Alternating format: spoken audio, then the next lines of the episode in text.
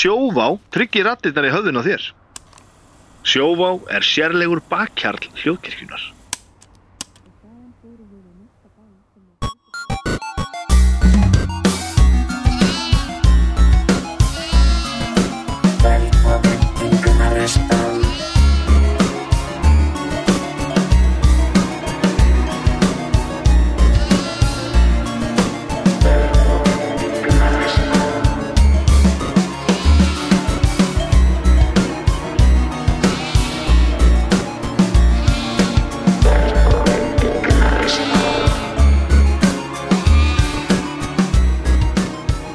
Velkomin til uh, Knaristan uh,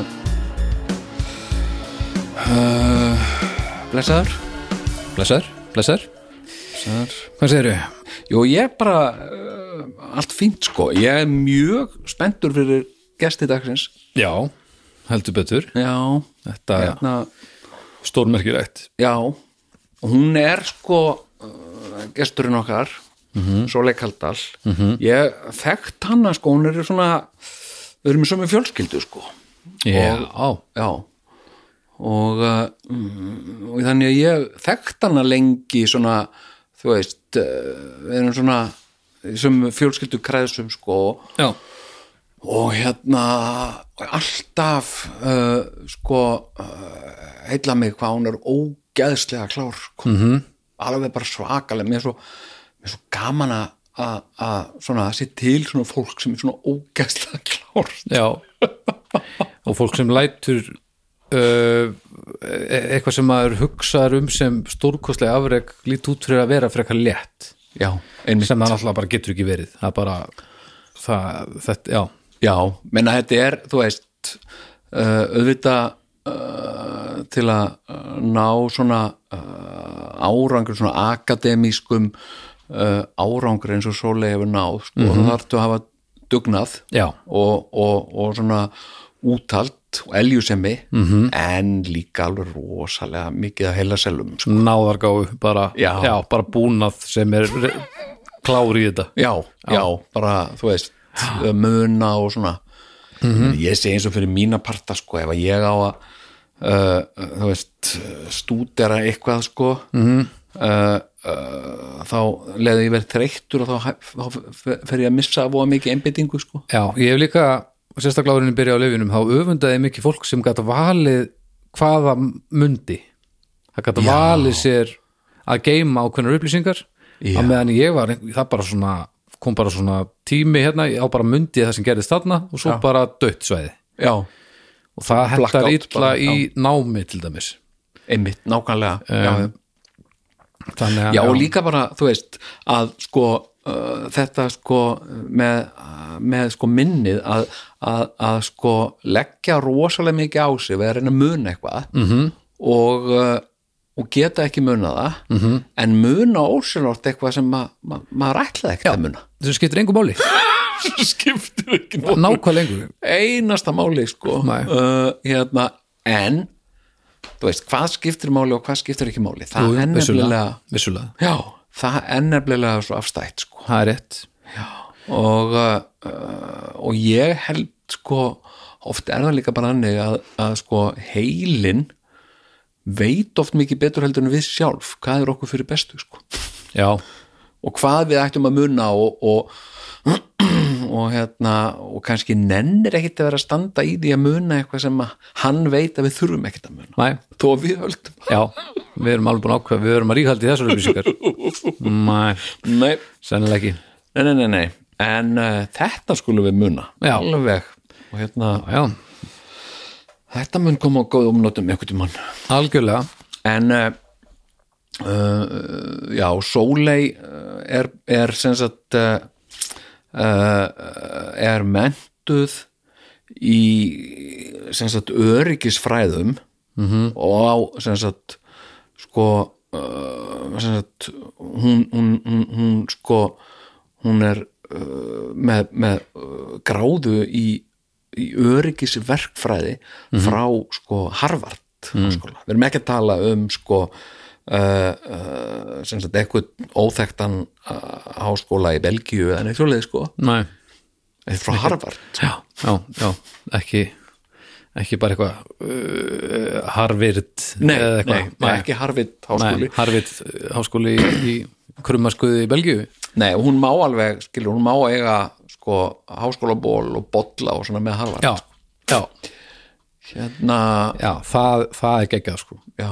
Já, ég má það ekki Nei, menna, þú veist, maður sko Nei, ég má það sennilega en Má ég veit, ég veit alveg, ekki alveg hverju þetta það væri skrítið Við skulum segja það. já, já, fara, þú veist, í sömafrí uh, í svona Ha- Harvard-ból og, og Harvard háskólaból og Harvard-bolla og svona. Já. þannig að, að sagt, fólk sem þekkir ekki heldur að þú hefur verið í Harvard, sko. Ég held að mamma myndi spyrja af hvað ert að gera í þessu Harvard dóti, sko. Ég held að myndi alveg minnast á það Æ, nú bara svona, svo fólk haldi að ég hafi verið í Harvard Já, ég og, bara, ég langar bara að vera klár og fólk veit ekki betur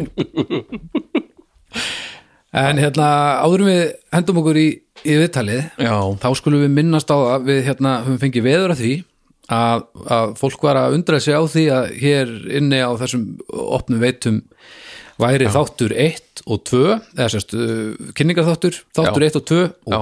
Beint í sexuna. Já, og það var meira að segja sko ágættu maður sem nefndi þetta við mig og, uh, og ég kom á fjöllum, sko, ég Já. líka. Já, Ha? já, Ú, Þetta, þetta er mín deild líka. Og ég hef brugðist greinlega því að upplýsingaflæði hefur greinlega ekki verið, ekki verið uh, nógu gott. En við, við leysum það hér með. Já, og hvernig stendur á þessu? Já, við hérna- erum sem sé uh, og ég er vissum að, að, að það eru mörg sem er að hlusta líka sem hafa kannski upplifað það sama sko. Já, ég er nefnilega ég er vissulega ekki, ég fór ekki í Harvard en ég kann að telja. Já, þannig að þetta er ekki slis með tölur. Þættirnir, þættir þrjú til fimm eh, þeir eru til, en þeir eru sem sé inn á svæði gnarristan á Patreon. Einmitt og, og einungis aðgengilegir áskrifendum Já. Já. og fyrsti þáttur hvers mánar, hann fer inn á þessar veitur sem eru opnar og þess vegna uh, sjáum við þið sem er að hlusta þar þátt uh, kynningarþáttin, svo settum við tvo þætti í loftið til að byrja með, eitt og tvö. Svo var fyrsti þáttur síðasta mánar uh, svo sjötti. Já, og þennan mánuðin er þessi þáttur sem þið eru að hlusta á núna sem er nummer tíu. En hinir þættirnir eru allir inn á Patreon. Já, Og- einmitt. Þannig að ef þið viljið kynna ykkur Patreon málin þá uh, finnið þið hlekk hérna í lýsingunum á þessum þætti Aha, Og þá getið skoðað- á hann og, og tryggið ykkur áskrift og, og þá er þetta ekkit vandamál. Þá er þetta ekkert vandamál, þá er bara alveg ofbúðslega mikið af, af stórskemmtulegu efni sem býður ykkur, býður ykkur þar inni. Já, já, já. Og, og meira á leðinni maður. Og meira á leiðinni. Vá. Já, og, við erum búin að henda í tvo spesiala og það eru byrjaðar uh, hérna, sögustundir upp úr Jónsbók og þannig að þetta er alveg alls konar að gerast. Já, já, svo er hérna ekki langt að byggja þess að vísindamæðurinn Jón uh, stíði fram. Nei, segðu, já, komið tími til. Já, Já, sumir heldur að vera bara pólitíkus og grínisti en já, fæst vita er að þú ert vísindamæður vísindam, fyrst og fremst. Já, fyrst og fremst vísindamæður Fyrst og fremst. og lífskunstnar og það. Já. En ef við ekki bara hérna, er eftir nokkra bíða ef við ekki bara drífa okkur í sólei og Gerum það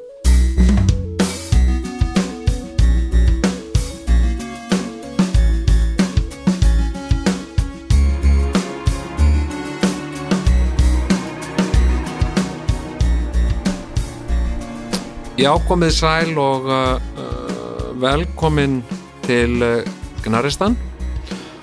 Og uh, það uh, það viðrar vel hjá okkur í dag. Uh, við erum með með góðan gest. Uh, og hún útskrifaðist 2020 með MAS gráðu í alþjóðasamskiptum frá Yale háskóla og uh, úr diplomanámi 2018 í stefnumótunar aðferðum byggðum á sannreindum staðreindum frá háskóla saminuðu þjóðana í Maastricht í Hollandi Einnig úr diplomnámi 2017 í Hafrétti og stefnumótun frá Rhodes Academy of Oceans Law and Policy í Greiklandi árið 2011. Árið 2011 útskrifaðist hún með MSC gráðu í áhættustýringu og öryggisverkfræði frá háskólanum í Lundi í Svíþjóð. 2008 með diploma á mestarastígi í alþjóðasamskiptum frá Háskóla Íslands 2007 með BSC gráðu í eðlisfræði og BA gráðu í heimspeki sama ár. Uh, uh, Sólei. Kaldal verður hjartanlega velkomin til Gnarristan Takk fyrir það Jón, takk fyrir að bjóða mér. Já, hérna hér. þetta er ekkert smáraði sko. Nei, hérna, hvað ertu gömul Sólei? Hvað? ég varð færtug 300 þeirri smið. Já, Já, ég er náttúrulega hérna Georg Björn Tröðarsson ég, veist, ég man ekki Já. alveg hvað það eru margar háskólagráðunar en þú veist, það eru svona einhver handvilli sko. Æ, hann á ekki róði í þetta sko. en þú veist, fólk vísast þetta við mig sem Georg Að, hérna, Já, Já, það, það er eitthvað svona, sko, mér finnst bara alveg ótrúlega gaman að læra. Og ef það Já. væri hægt að fá bara borga fyrir að læra þá myndi ég bara vera, þú veist, ég er bara ekki hálnu með allt sem ég langar að læra. Nei mitt. En, en svo líka þarf maður að nota það sem maður er að læra. Já. og ég er nú á þeim fasa í lífi mínu að reyna að gera það. Einmitt, já, nákvæmlega. Hérna, uh, sko uh, við erum nú við tengjumst nú fjölskylduböndum og, uh, og hérna erum nú svona uh, í samtengdum samtengdum fjölskyldum uh, og, og, og svona uh, þekkjumst nú svona í gennum tíðina. Uh, þannig að mér finnst bara sérstaklega mér er alltaf fundist alveg sérstaklega gaman að, að svona fylgjast með þínu stússi og, og þessum stúderingum þínum og, og hérna og ég hef alltaf vitað bara að það kemur eitthvað alveg á eitthvað alveg ótrúlegt eftir að uh, koma út úr þessu og, og sko og uh, ég man eftir því sko þú fóst í, í hefðbundið uh, verkfræðin á mér, ekki rétt muni hjá mér? Og, og, og síðan út úr því ferðu í þetta þessa öryggisverkfræði. Já, sem að ég verða við ekki, ég veit ekkit mikið hvað verkfræði er sko, ég veit að það er veist, eitthvað með að smíða brýr og eitthvað svona, ég veit ég veit að það er verkfræði, en hvað öryggisverkfræði er sko uh, þú veist, ég, ég bara ég verða ekki, ég veit eiginlega ekkert hvað, hvað það er sko, Nei, ég meina það er ekki skrítið verkfræði er nú til dags orðin svo bara alls konar. Þetta Já. er svolítið bara svona að, að leysa flókin verkefni veist, og, í, á einhverjum tíma var það að byggja brýr og, og annað slíkt. Núna erum við bara að leysa flókin verkefni á svo margvíslegan hátt. já, Þannig að ég hérna uh, ég, sko, ég ætlaði að fara í læknisvæði. Mér langaði einhvern veginn bara svona hvernig getur maður bara svona klárlega mætt í vinnuna og láti gott á sér leiða? Já og börn. Já, já, þú veist, lækna fólk, lækna börn lækna krabbaminn sjúka eða eitthvað slíkt. Já. en svo deyr pappi minn úr krabbamenni eftir erfiða hérna baráttu þegar ég er um það bjölu útskrifast úr mentaskóla já, já, og þá, þú veist, eftir þau ár sem þar ára undan bara gæti ég ekki hugsa mér að vinna inn á spítala, mér fannst það bara hræðilegir staðir. Já, þannig að þá hugsaði ég bara, ok, þú veist, hvernig get ég einhvern veginn verið svona að hjálpa og afstýra einhverjum hörmungum á þess að vera einhvern veginn í persónulegum hérna, málum? Já, og fyrst var ég einhvern veginn bara, heyri, ég ætla bara að fara að læra allt. Ég ætla bara að fara að læra, þú veist, eðlisfræði um bara, þú veist, það smæsta sem er til í heiminum og allt sem við vitum vísindarlega og upp í bara heimsbyggjana sem svarar einhvern veginn restinni.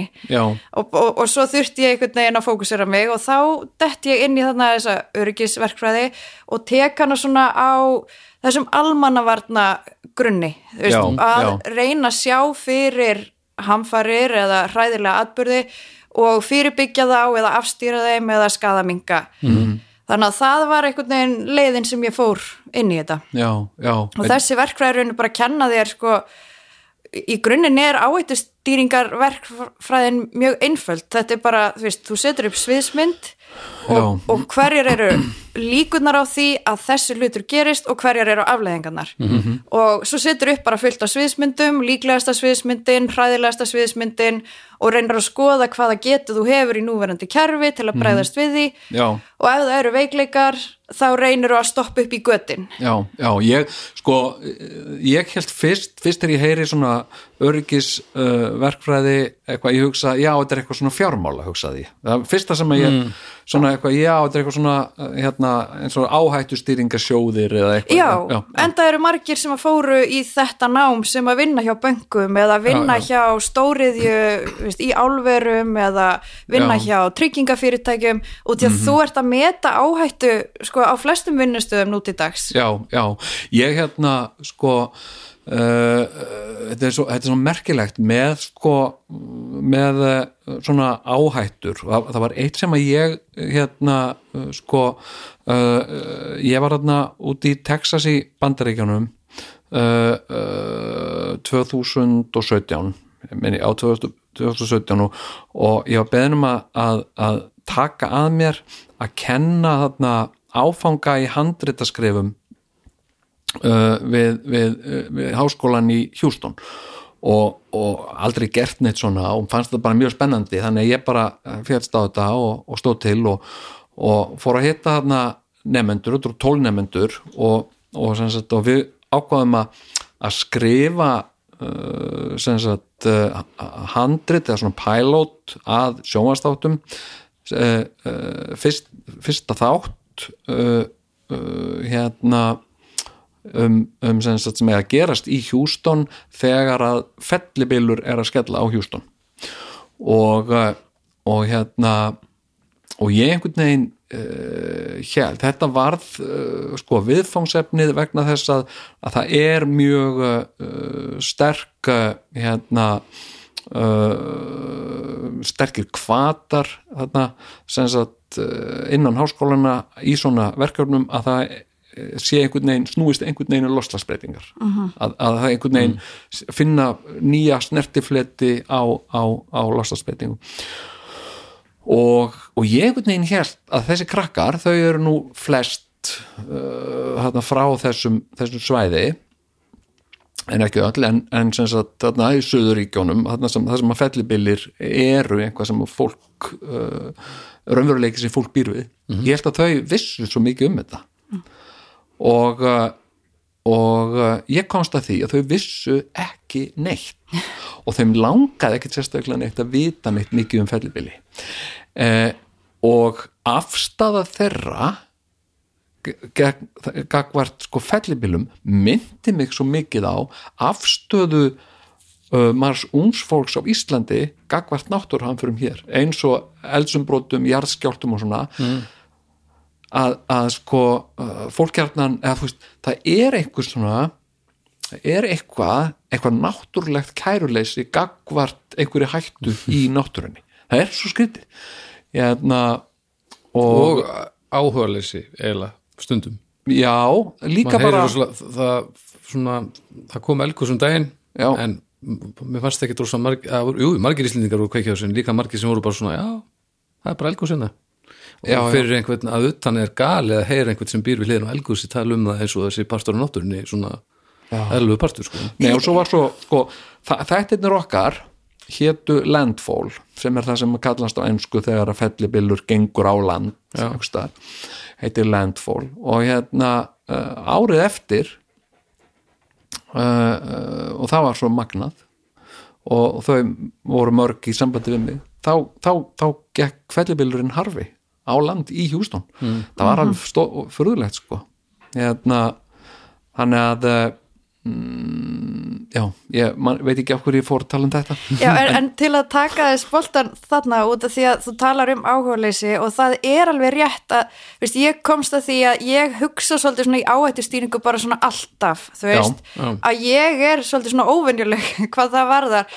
Fólki finnst almennt ekki droslega gaman að hugsa um hvað gæti að færa úrskeiðis. Nei, og það er bara eins og með þetta að þú veist, það er eldgós á, á Reykjaneskaga þannig erum við með bara, þú veist, samgöngur við eina alþjóðaflugvöllin okkar eða allavega þann lang, lang stæsta og við erum með rafmagslínur og, og vatn og annað. Og fólk er ekkit að stressa sig á því. Nei. og það er svolítið bara nálgun fólksins að minnstu kosti í nútíma samfélaginu að bara reikna með því það er einhver að hugsa um Já, þetta. já. Það er já, einhver, þetta verður, þetta verður allt í góðu lægi Já. og það er einhver með boltan ég þarf ekki að pæla í þessu að það er Já. einhver með þetta. Já, já, sem er já, ekki endilega raunin? Nei, svo er það nefnilega ekkert alltaf raunin og, og það er hérna, þú veist, það sem ég hef stundum kallað sko eiginlega öryggist þversögnin er að sko ef við erum með hérna, þú veist, gott kerfi þar sem er fullt af fólki að vinna í því að afstýra einhverjum skakkaföllum og áföllum þá, þá s- sko þá, þá jafnvel verður einhver ógn en henn er afstýrð eða hún er gerð svo lítil að fólk tekur nánast ekki eftir því. Já, já, og þá fyrir fólk að hugsa bara, býtu, hvað er, það gerist aldrei neitt. Við erum bara alveg 100% örugjana Hmm, hvað eru þið hérna hamfara þengjandi hverulandanir endalaust að tala um að þurfi meiri peningi þetta og hitt? Og þá náttúrulega fellur kvatin af stjórnmálamönnum að setja peningi í þetta. Mhm, já. og því að þú veist það er ekkert sexy að vera að hérna að tala endalaust á í einhverju neikvæðni og þú getur vera ekki svona fúlikallin á kantinu með eitthvað, eitthvað Já, já, já. Veistu, þú getur ekki klifta rauðan borða við flugslýsi sem þú afstýrðir. Nei, Veist, þannig að þetta er ekki, þú getur ekki sínt fram á árangurinn af því sem ekki varð. Nei. og þess vegna verður minna og minna fjö í öryggis bransanum út af því að þú veist, því betur sem þú stendur þig þá grefur eiginlega undir eigin, eigin málstað. já, já, já, og þess vegna einmitt. þurfa alltaf að verða alveg hrikalegir atburðir af og til og oft er það eitthvað sem við vorum einmitt bara búin að gleyma að huga að. Já, já, til þess að svona uh, að koma aftur í gang óttanum hjá almenningum að heyra þetta er raunverulegt, þetta getur skadað mitt Mm. raunverulega líf, heyra nú setjum við alla áherslu á að reyna að afstýra þessu. Já, einmitt. Ég, ég sko, hérna ég hef sko velt þessu fyrir mér eins og minnst bara, með sko uh, í, í, í sambandi við loslagsbreytingar og afleðingar loslagsbreytinga uh, eins og, eins og uh, flóð og óveður og og, uh, og hérna og ég svona datt inn í þetta að lesa einhverja bækur um um hérna uh, spá, spár með láslagsbreytingar og hvað hva gæti gerst og svona. Og, uh, og það var margt í þessu sem bara sló mig og ég var stundum að setja eitthvað á samfélagsmiðla, Twitter eða Facebook eða eitthvað. Og, og það, ég held einhvern veginn að fólk geti bara upprifið yfir þessu. Ha, hvað varst að lesa? Eitthvað svona. Þetta mætti opbóðslega miklu áhuleysi það hérna, sem sagt kannski fimm like eitt komment kannski, eitthvað hm, aðteglisvert eða eitthvað svona, en ekki ekki svo umræða sem að ég hafði einhvern veginn búist við Svo komum aðeins inn á þetta með Sævar hérna um daginn, stjörnusævar kom hérna í spjalli og þá var það sem sé, þessi pæling.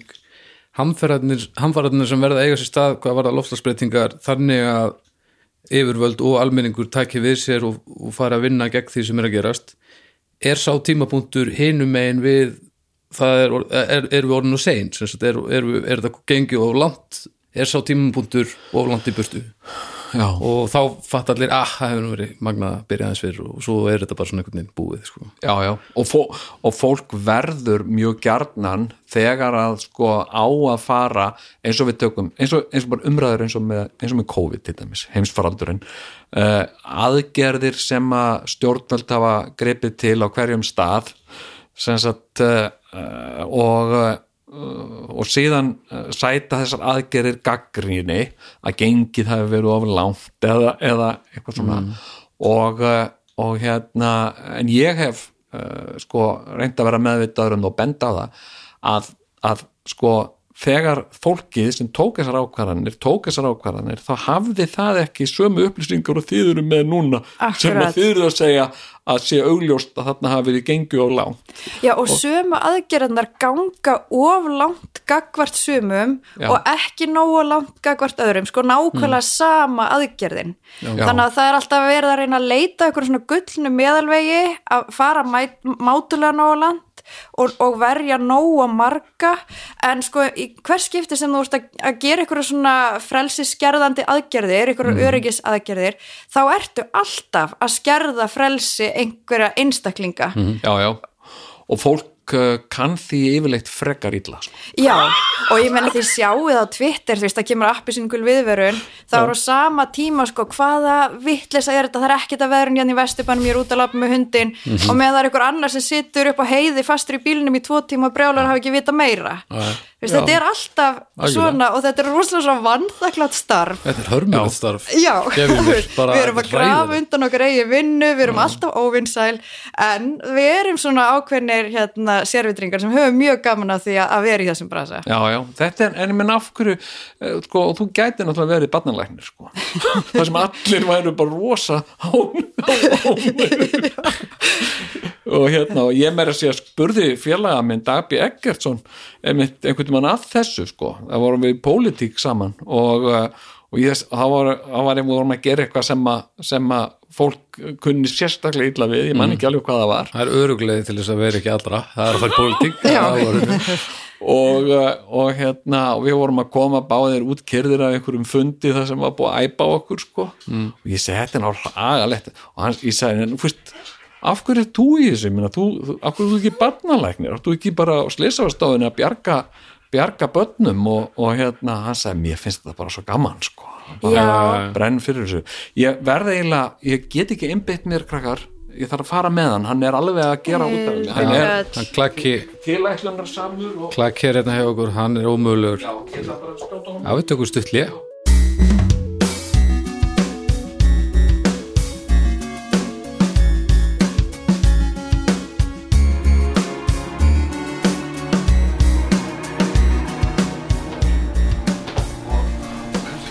er á svona ferð og flugi þá verður hann stressaður. Já, já. Og kemur gólvefna gólvefna fóbían alveg. Og svona Já, hann lætur, ég get ekki farið með hann sko í leikús eins og ef ég er með ef ég er að æfa. -hmm. hann, hann bara hágrætur sko. Já, já, já. Hann verður svo stressaður þegar hann sér að ég er eitthvað að þykast þeir eitthvað annar sko. Já, já, fyrir í tíðin hann verður hann bara, hann bara það Svo mistir líka- einhverja raunverulega tengingu. En svo er líka sko, er hann á gólfinu hérna, það er hitt í gólfinu, getur umdað að vera með hann feld og, og Já, þú, já. þú getur ekki sloppið flöt sloppið frá flettinu sem er hlýja í. Já, leðursófan hjá mér. Hann, hann var mjög sáttur að komast í já, já, gott, gott. gott, gott. Hérna uh, hvar vorum við stödd aftur fyrir ekki þetta sko, við vorum svolítið að ræða það af hverju er maður að velja sér já, óvinsæla já, á hverju á hverju er maður ekki á hverju er ekki allir bara ballara, Já, Dagur B. og, og læknirinn og, hérna uh, nei, en svo er það náttúrulega þetta líka sko, og það er náttúrulega svolítið sko uh, það er líka svolítið sko heimspekilegt eða filosófist sko þetta að uh, að sko sagt að velja að segja nei. Þegar að, þegar að allir verða öll verða miklu gladar ef þú segir já. Já, einmitt, þú, að- vera svolítið óvinsæli gæin í herbygginu já, já, Hérna- já, já. Sem segir sko, þú veist, eigum við að eigum við að gera þetta, eigum við að gera hitt? Og þú segir nei, við getum ekki gert það, við hefum ekki tíma til þessum, ekki efna á því og eitthvað svona alls konar leiðandi Já. og hérna, og velja uh, hérna sem sagt hlutverkið að vera sagt að skjóta niður drauma sagt, Já, algjörlega. Og enda þarf maður líka þegar maður er í ábyrghlutverki sem er þannig og hefur einhver völd til þess þá er þetta sko það er mjög freistandi að fara í eitthvað svona yfirgripsmiklar aðgerðir og hafa vit fyrir fólki, þú ert nú búin að skoða þetta svo vel og þú veist betur en, en, en sko svo þarf maður alltaf að muna það að þú ert í þessu starfi til að í rauninni verja svona einhver ákveðin grunngildi og það, það er aðgerð sem þú ferð í meiga ekki stríða gegn grunngildum þess samfélags sem þú ert að verja. Eh, eins og málfrelsi, grunngildi það má ekki vera að beita þöggun og, já, já, og, og réttu til friðsamlegra mótmæla, það má ekki vera einhvern veginn að afstýra því og svo framvegis. En með Ísland held ég sérstaklega bara, sko, við erum svo lengi svona þjóð sem að vann bara svolítið í akkorði það er bara, þú veist, núna veiðist þessi fiskur núna þurfum við bara að nýta tækifæri, veðrið er í lægi bara stökkum út og, og, og bara einhvern veginn, þú veist græjum þetta og þú veist morgundagurinn er bara setni tíma vandamál Einmitt. og ég fann það þegar ég bjó í Grænlandi að, að sá hugsanaháttur er sko ennþá meira ríkjandi þar enn hjá okkur já.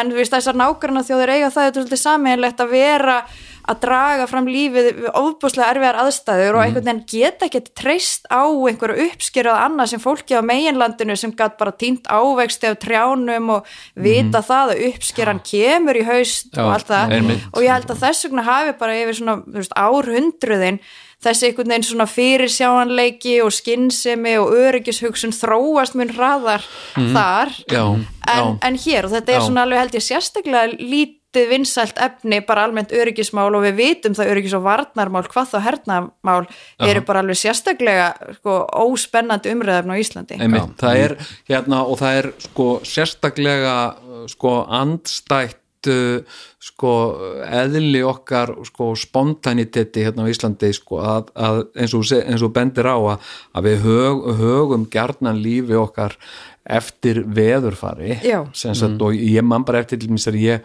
bjóð í Svíþjóð uh, hérna mm, þegar ég var tvítugur uh, og þá var eitthvað mann um, um sko á miðjum vetri þá var ekki til þess að ég væri búin að ákveða hvenar ég ætlaði að taka sumarfrí. Ég hef aldrei, aldrei kynst svona á Íslandi. Sem sagt bara já en, en þú veist, hvernig á ég að vita það núna? Hvenar, hvenar ég vil taka sumarfrí Íslendingar vilja helst fresta því alveg svona síðustu stund til að vita bara svona nokkurn veginn hvernig veðrið er og geta þá sem sagt, Ég og bara allt verið á morgun. Já, og, og, og, og, og sko og hérna, hérna kom einhvern mann, uh, það var eitthvað sem að trenda á samfélagsmiðlum sko að, að sko var einhver útlendingar sem að tóku mynd af einhver ofinbæra stofnanir á Íslandi sem voru lokaðar að, út af góðu veðri. Sem, sagt, sem var eitthvað sem bara væri óhugsandi að gera bara. Og þegar maður reynir útskýri fyrir fólki sko að utan að fólk er búið stundum þegar að loksins komið að niðurstu hvernig sumafríð er þá er ekki búið að ákveða hvað það ætlar að gera af því að það ætlar að elta veðrið. Sem það fer hvert sem er svo lengi sem að veðrið er ekki hörmöldar Já, já, og við erum með bara ansi stóra prósentu af Íslendingum sem eru bara til í þetta. Og Já. þetta er alveg galið í augum mjög margra útlendingar já, já, já, já. Nei og ég menna sko Evrópu, Evrópubúar kannski uh, frekar en Amerikanar hafa svolítið svona álitið að þau væru svolítið búin að koma uh, náttúrunni uh, koma böndum á náttúruna það Já. er svolítið búið að það er svolítið búið að svona uh, sko svona setja náttúrunni mjög þröngar skorður uh, og, og eina uh, minnst að þetta svona í, í, að ræða við Európabú oft þá svona eina eina hættan sem að þau eða mesta hættan sem þau sjá er gjarnan aðrar manneskur sko. eitthvað, eitthvað, eitthvað stríð og uh, hérna, en ekki náttúran en, og ég hef oft sko mér hef oft fu- fundist það svo ólíkt því sem að Íslendingar upplifa, en þess að hér stafar okkur ekki það mikil hætta af fólki að öllu jöfnu ekki kannski eins og í Ameríku eða, eða í Európu en, en náttúran og veðrið veist, fólk bara verður úti hérna og svona sem, sagt, einmitt. sem, að, sem er uh, já, sem að er uh, sem að er uh, sjálfgæfara og þess vegna er líka mjög eðlilegt að við setjum upp okkar sko, þjóðaröryggi stefnu og, og byggjum okkur þjóðaröryggi á þessum sko breyða grundvelli. Já, og ég hef stundum sko ég, ég er svona búin að vera svolítið svona heimsbyggilega að velta bara þessum öryggismálum á Íslandi fyrir mér, við erum náttúrulega bara í alveg mjög sérstakri stöðu. -hmm, og, og þú nefnir þetta ógnin er sko frá náttúrunni eða frá fólki. Já. sko um, getur þú sagt mér hérna þýðinguna, þú veist, íslenska þýðingu og orðinu security? Öryggi. Já, Já. hérna en safety. Öryggi? Já, hérna, þú veist, en, Já, en hafið þið á tilfinningunni að það sé einhver munur á þessu þessum tveimur hugtökum eins og þau eru upp á ennsku já, uh, já, já. Uh, safety þetta er úkislega fyndið. Sko uh, safety já, mér veist security uh, vera meira.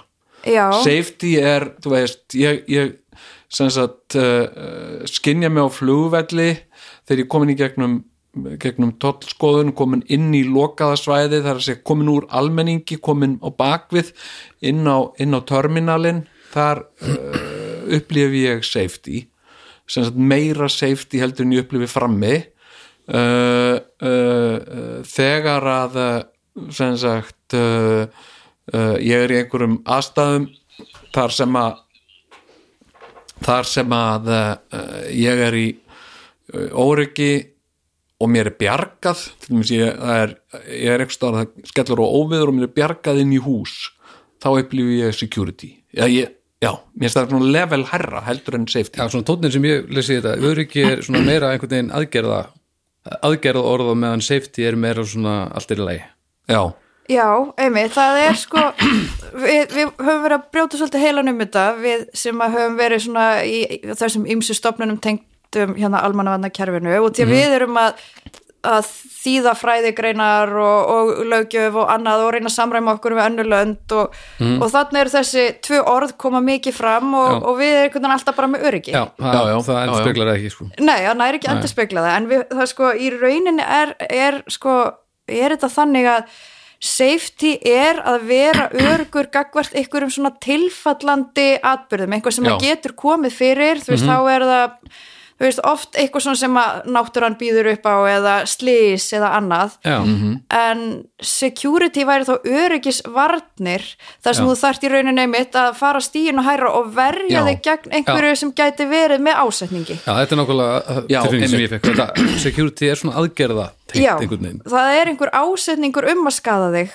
og þá erum við komin svona eiginlega í security já, og, og það og, og bara það, þetta endur speikla svolítið eh, sko áhuga leysi íslensku þjóðarinnar og íslenska tungu á öryggismálum að hafa ekki aðgreinanleg orð í þessu, allavega ekki og því að eins og þjóðar öryggisráð er ekki National Safety Council það er, þú veist National Security Council þjóðar öryggisvarna ráð, kannski væri Já, þá betri þýðing en, já, já, en, en bara við, við sitjum upp með það, við erum með þetta öryggi en Mhm. þegar maður er að skipulegja aðgerðir gegn einhverju vá, þá getur verið mjög mikilvægt að gera sér grein fyrir mununum á þessu. Já. einmitt. Og bara hérna, og þú veist, ein stutt dæmisa sem ég klóraði mér svolítið í höfðinu yfir var að fyrir nokkrum árum og það voru allir sko af besta vilja gerðir í þessu máli á þeim tíma, þá var einhver tónlistarhátti í Reykjavík og það var mikið búið að vera að tala um byrlanir og hættuna af byrlunum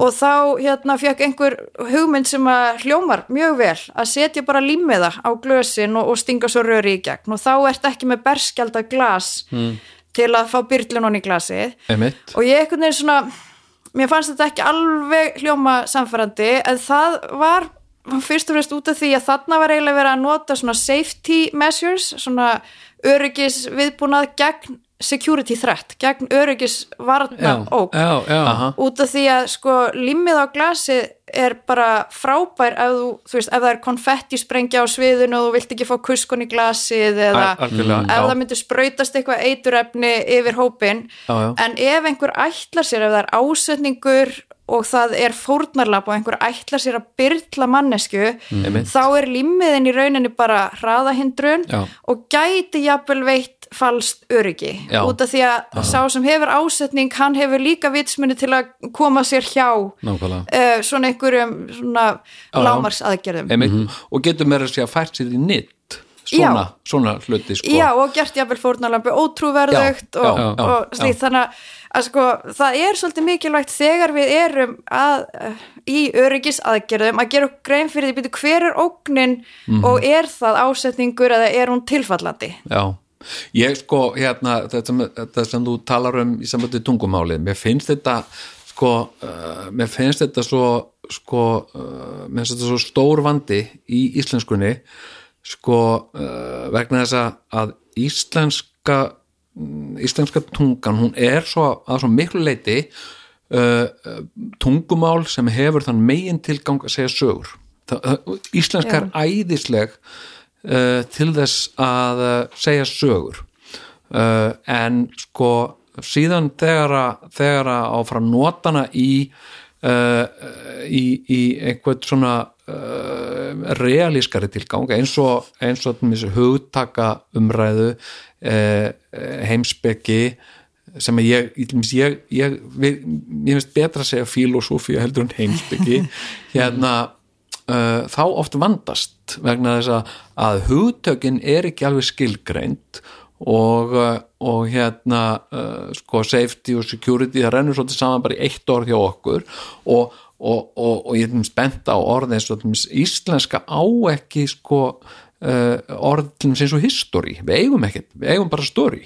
Við, við Já. gerum engan greinarmun á sögu og sögu þú veist, við- hérna, skáldaður í sögu og raunverulegri Nei, raunverulega skálstað, sagnfræði, við gerum engan greinarmun á því og bara Íslendingar það er, svo, það er okkur í blóðborið bara í tungunni að við þetta rennur stundum bara saman hjá okkur Mhm. hvort að hlutir eru skáldskapur eða raunveruleiki, mm, skiptir það svo miklu máli skilur. Einmitt, Það hafa bara- skal það sem skemmtilegra reynist Já, já, það er svolítið Helgason sko. sagði held ég hérna uh, sko þannig að sko uh, oft sko eru líka hugtök sem að sem að sko sem að eru búin til vegna þess að það er þörf fyrir þau Já. þau stundum verða eins og, og limmiðin yfir glasið að sko þau jafnvel afvega leiða, trubla eða veita falska sagt og ég, ég, ég þetta mér sko uh, uh, mér, mér finnst og við rætum það nú við Sævar hérna, hérna þegar hann kom hérna uh, til okkar um daginn sko uh, uh, þetta með að ræða um lofslagsbreytingar til dæmis að, að sko að, að, að, að ef við tölum um, um hlínun þá verðum við að vera meðvituð um að hlínun er bara ein af nokkrum byrtingamyndum lofslagsbreytingar lofslagsbreytingar eru stóra málið svo hlínun, svo súrnun eða hérna en, en ef við förum að tala um lofslagsbreytingar sem hlínun þá erum við á villigötum, það er ekki alveg rétt. Eh, og, eh, og hérna síðan sko hérna uh, er verður uh, sko uh, hugtak sem að öðlast uh, svona vinsaldur útbreiðslu hérna uh, hérna í útlöndum sem er sko hérna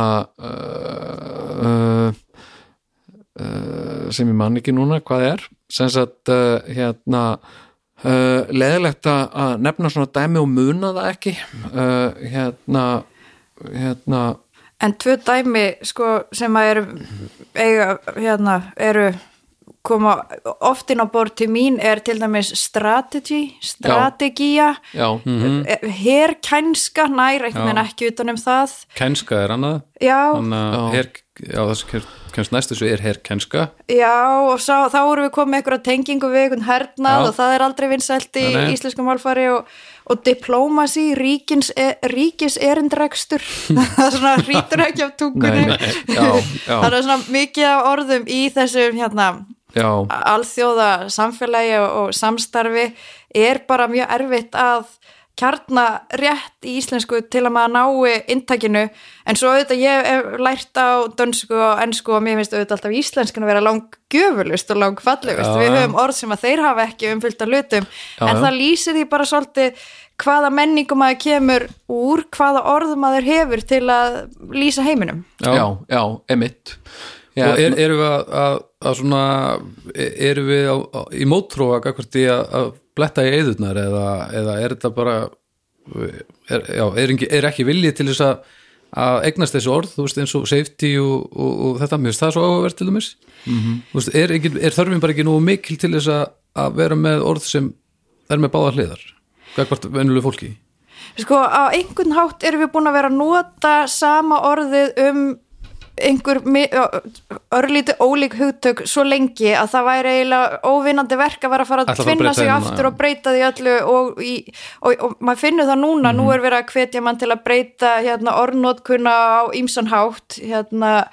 við erum það, það, við erum öll saman og, og Já, þetta. já, já, og það er bara mjög erfitt að hérna, breyta tekur tíma. Já, það tekur tíma og og það þarf vilja og já, og hérna og ég meina það sem að auðvitað hefur vandar svolítið á Íslandi er bara að vera tilbúin til að taka samtalið um öryggis og varnamál, þetta Já. er bara ekki vinsælt umröðafn á Íslandi Já. það er engin stjórnmálamæður sem að fær atkvæðu út á afstöðu, einhverja harða afstöðu í öryggis og varnarmálum þvert á móti Mhm. um, maður upplifir að flestir stjórnmálamenn reyni að forðast þetta og já, já. hérna og það er vandamál og ég segi það ekki út af því að ég sé hérna uh, stríðselskandi árásar sinni.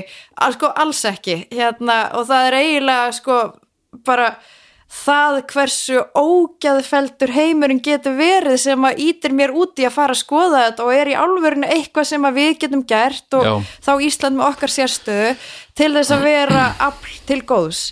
En við gerum það alveg, alveg sko klárlega ekki með því að þegja um málið. Akkurat. Nei, ég hérna sko uh, dæmi um, um svona orð uh, sem er hátæknilegt uh, og uh, verður uh, til miskilings uh, er enska orðið uh, sem sagt hugtakið climate crisis. Já, sem, sagt, sem er hugtak sem er verið að nota uh, uh, við það uh, að, að sem sagt, ástandið að lýsa yfir climate crisis uh, á íslensku var það þýtt sem sko hamfara hlínun sem er uh, vissulega stert orð en, en lýsir ekki sem sagt, því að climate og hlínun er ekki sami er ekki sama hugtaki því að, að, að sko uh, hlínun er veður en climate er loftslag. Já og, Og það, það er ekki eins og víst að Ísland munir hlýna Nei, neitt sko nei, þó við værum bara sum alveg til í það. Já, nei, mér, mér finnst það nefnilega sko, sem sagt, uh, sko það að hlína, hlínun er ekki tengd við hamfarir hjá okkur sko. Akkurat, það er erfitt að selja Íslandingum það. Það er engar hamfarir í því þó Nei, að það er bara stöpuksnadagur Já, já, en, en kannski fyrir fólk sem býr í, í, í Madrid Já. þá hlínun, það er kannski alveg komið með nóg Já, ég með það eru sannlega hamfarið, fólk Já, deyr já. árlega Já, úr já. hlýjendum já, já, þannig að uh, hérna, sko, en, en þetta með, þe- veist, þetta með að vega og meta uh, uh, sko öryggi og áhættu uh, uh, sko er náttúrulega sko uh, uh, hérna hefur ákveðna uh, sérstöðu hér á Íslandi meða við uh, önnur lönd sko. Og þetta með sko og ég, ég sko uh, hef mjög uh, svona uh, persónulega sögu af þessu til mis afstöð til alþjóðlegra varnarmála. Uh, nú hef ég alla tíð uh, litið á sjálfa mig sem svona friðelskandi og ég, ég hef óbeitt á, á stríði og mannvonsku uh, og hernaði. Mér finnst bara Uh, uh, ég hef bara eitthvað eðlislegt í mér sem, a, sem að vekur andúð mína á, á, á slíku. Og, uh, og hérna sko og ég er svolítið alin upp og það hluti líka bara af pólitískri innrætingu á Íslandi. Sem sagt uh, að taka afstöðu uh, uh, gegn Atlasafsbandalæginu eða veru Íslands í Atlasafsbandalæginu NATO og, og við hefum alveg góða frasa með að segja Ísland og NATO herin burt uh, og, og það eru sko pólitíski flokkar á Íslandi sem hafa það ofarlega á sinni stefnusgrá að vera andsnúnir veru Íslands í NATO og bara núna þegar við erum að tala þá er til dæmis uh, flokkur VAFG sem er með þetta á sinni stefnusgrá uh, með fósettisráðunetti og, Katrin Jakobdóttir er fósettisráður á Íslands. Uh, og þannig þetta er ekki, þetta er ekki neinir sko jaðarflokkar endilega sem hafa verið með þessa pólitík. Þetta er búið að vera stór stór pólitíst mál á, á Íslandi uh, minnstakosti í orði, kannski ekki endilega á borði en mjög í orði að við ættum jafnvel ekki að vera í NATO. Og, og hérna og við viljum ekki vera í NATO vegna þess að það sé ekki það sé ekki gott félag að vera í. Og, uh, og ég hef uh, vissulega verið þar uh, uh, sko með í þeim hópi sem sagt ég hef uh, hérna uh, stórefast um, um það að hvað við séum herlaus, friðsum þjóð, hvað við séum að gera í NATO og það sé nú ekki uh, endilega félag sem við ættum að vera í og, og hérna og, uh, og mér fannst líka svona svolítið fúlt sko þegar að við eh, urðum fyrir ofríki sko uh, hervaldi sem brettar sem beitt okkur hervaldi hérna á, á, á, á fiskimiðunum hérna uh, sendu herskip til Íslands til þess að, að, að, að hérna ógn okkur. Uh, þá fannst mér svolítið súrt að NATO skildi ekki stíðin í þá því að við vorum í því ágæta félagi. Og, uh, og hérna uh, og ég hef alveg sem sagt uh, uh, ég hef verið hérna órættur við að, að ofinbera þær skoðanir mínar að ég mér hefur aldrei fundist sko vera neitt svona raunverulegur vilji hjá VFG til þess að gera alvör úr þessu. Það er að segja bara að, að við myndum segja okkur úr NATO og, og mér finnst það að hafa komið í ljós eftir að, að, VFG komst í ríkistjórn að, hérna, það hefur aldrei komið fram svo til að svo pæling að við myndum segja okkur úr NATO. Og, eh, og hérna og ég hef einhvern veginn alltaf bara uh, verið svona mm, já, mér hefur ekki fundist raunhæft að við værum, eða nöðsynlegt við værum í NATO og ekki raunhæft á að okkur stafaði einhver raunveruleg ógn utan úr heimi, einhver sem sagt myndi, myndi eh, beit okkur ofríki hérna, hervaldi og eitthvað svona. Uh, og uh, síðan uh, fyrir nokkrum árum þá fór ég heimsók til, til Kíf, til Úkrænu og hitti þar uh, fram á fólk í, í stjórnmálum í Ukrænu uh, hérna úr, úr flokki uh, Selenskis og, og hérna og þá skinjaði ég miklu sko þrá fólks í Ukrænu til þess að Ukræna mætti verða hluti á NATO. Og því, að, því að hérna það myndi veita sem sagt öryggi safety gagvart security. Security, Security, já. security uh, gagvart rússum. Og ég einhvern veginn, já, eitthvað rússagrillan en þá voru rússar uh, búinir að ráðast inn í Ukrænu krímska, hertaka krímska og hérna og þetta svona mm, sataðins í mér sko. Síðan, síðan uh, var eitthvað verið að, að svona ræða það í fréttum og umræðum að, að rússar ætluðu að, að fara jafnvel að, ráðast inn í Úkrænu bara með, með hervaldi bara einn fyrir landa með Úkrænu, mér fannst það mjög ósennilegt, ég hafi enga trú á því. Og, uh, og hérna uh, uh, og svo bara gerðist það svo gerist það bara að, að, að rússar bara vaða inn á fullum krafti uh, hérna uh, og við erum alltaf inn bara að upplifa bara stríð í Evrópu sem ég hafði einhvern veginn aldrei ímyndað mér að, að færa í gang. Og uh, og hérna og ég settist bara niður með uh, með þetta. Og uh, og ég bara uh, þurfti að sætta mig við það og viðurkenna það að ég hafði haft rámt fyrir mér. Hugmyndir mínar um NATO og veru okkar í NATO uh, og svona sakleysi allra hluta og það er einhvern veginn að allt væri að þróast í betri vegar og stríð væru svolítið svona úrlausnarefni fortíðarinnar og framtíðin væri meira bara viðskipti og samskipti og samvinna og eitthvað svona, það var bara ekki rétt. Það var bara ekki það var ekki alveg raunsætt sko, það eru til svona kallar eins og Pútín og svona uh, uh, sem að eru bara að sapna liði til þess að ráðast á eitthvað sem að þeir ákýrnast og yfirtaka það. Og hérna og þetta hefur þessi, þessi, þessi uh, þessir atbyrðir hafa gjörbreytt afstöðu minni til NATO og veru okkar í NATO. Ég er bara, ég, ég er sagt, og þarna sem svona mm, sem svona vinstri maður að þá fell ég núna uh, klárlega meira sko og þá er bara að tala svona uh, uh, politíst og fell ég meira samfylkingar megin heldur en vafge megin. En, það, en ég er þá vinstri maður sko.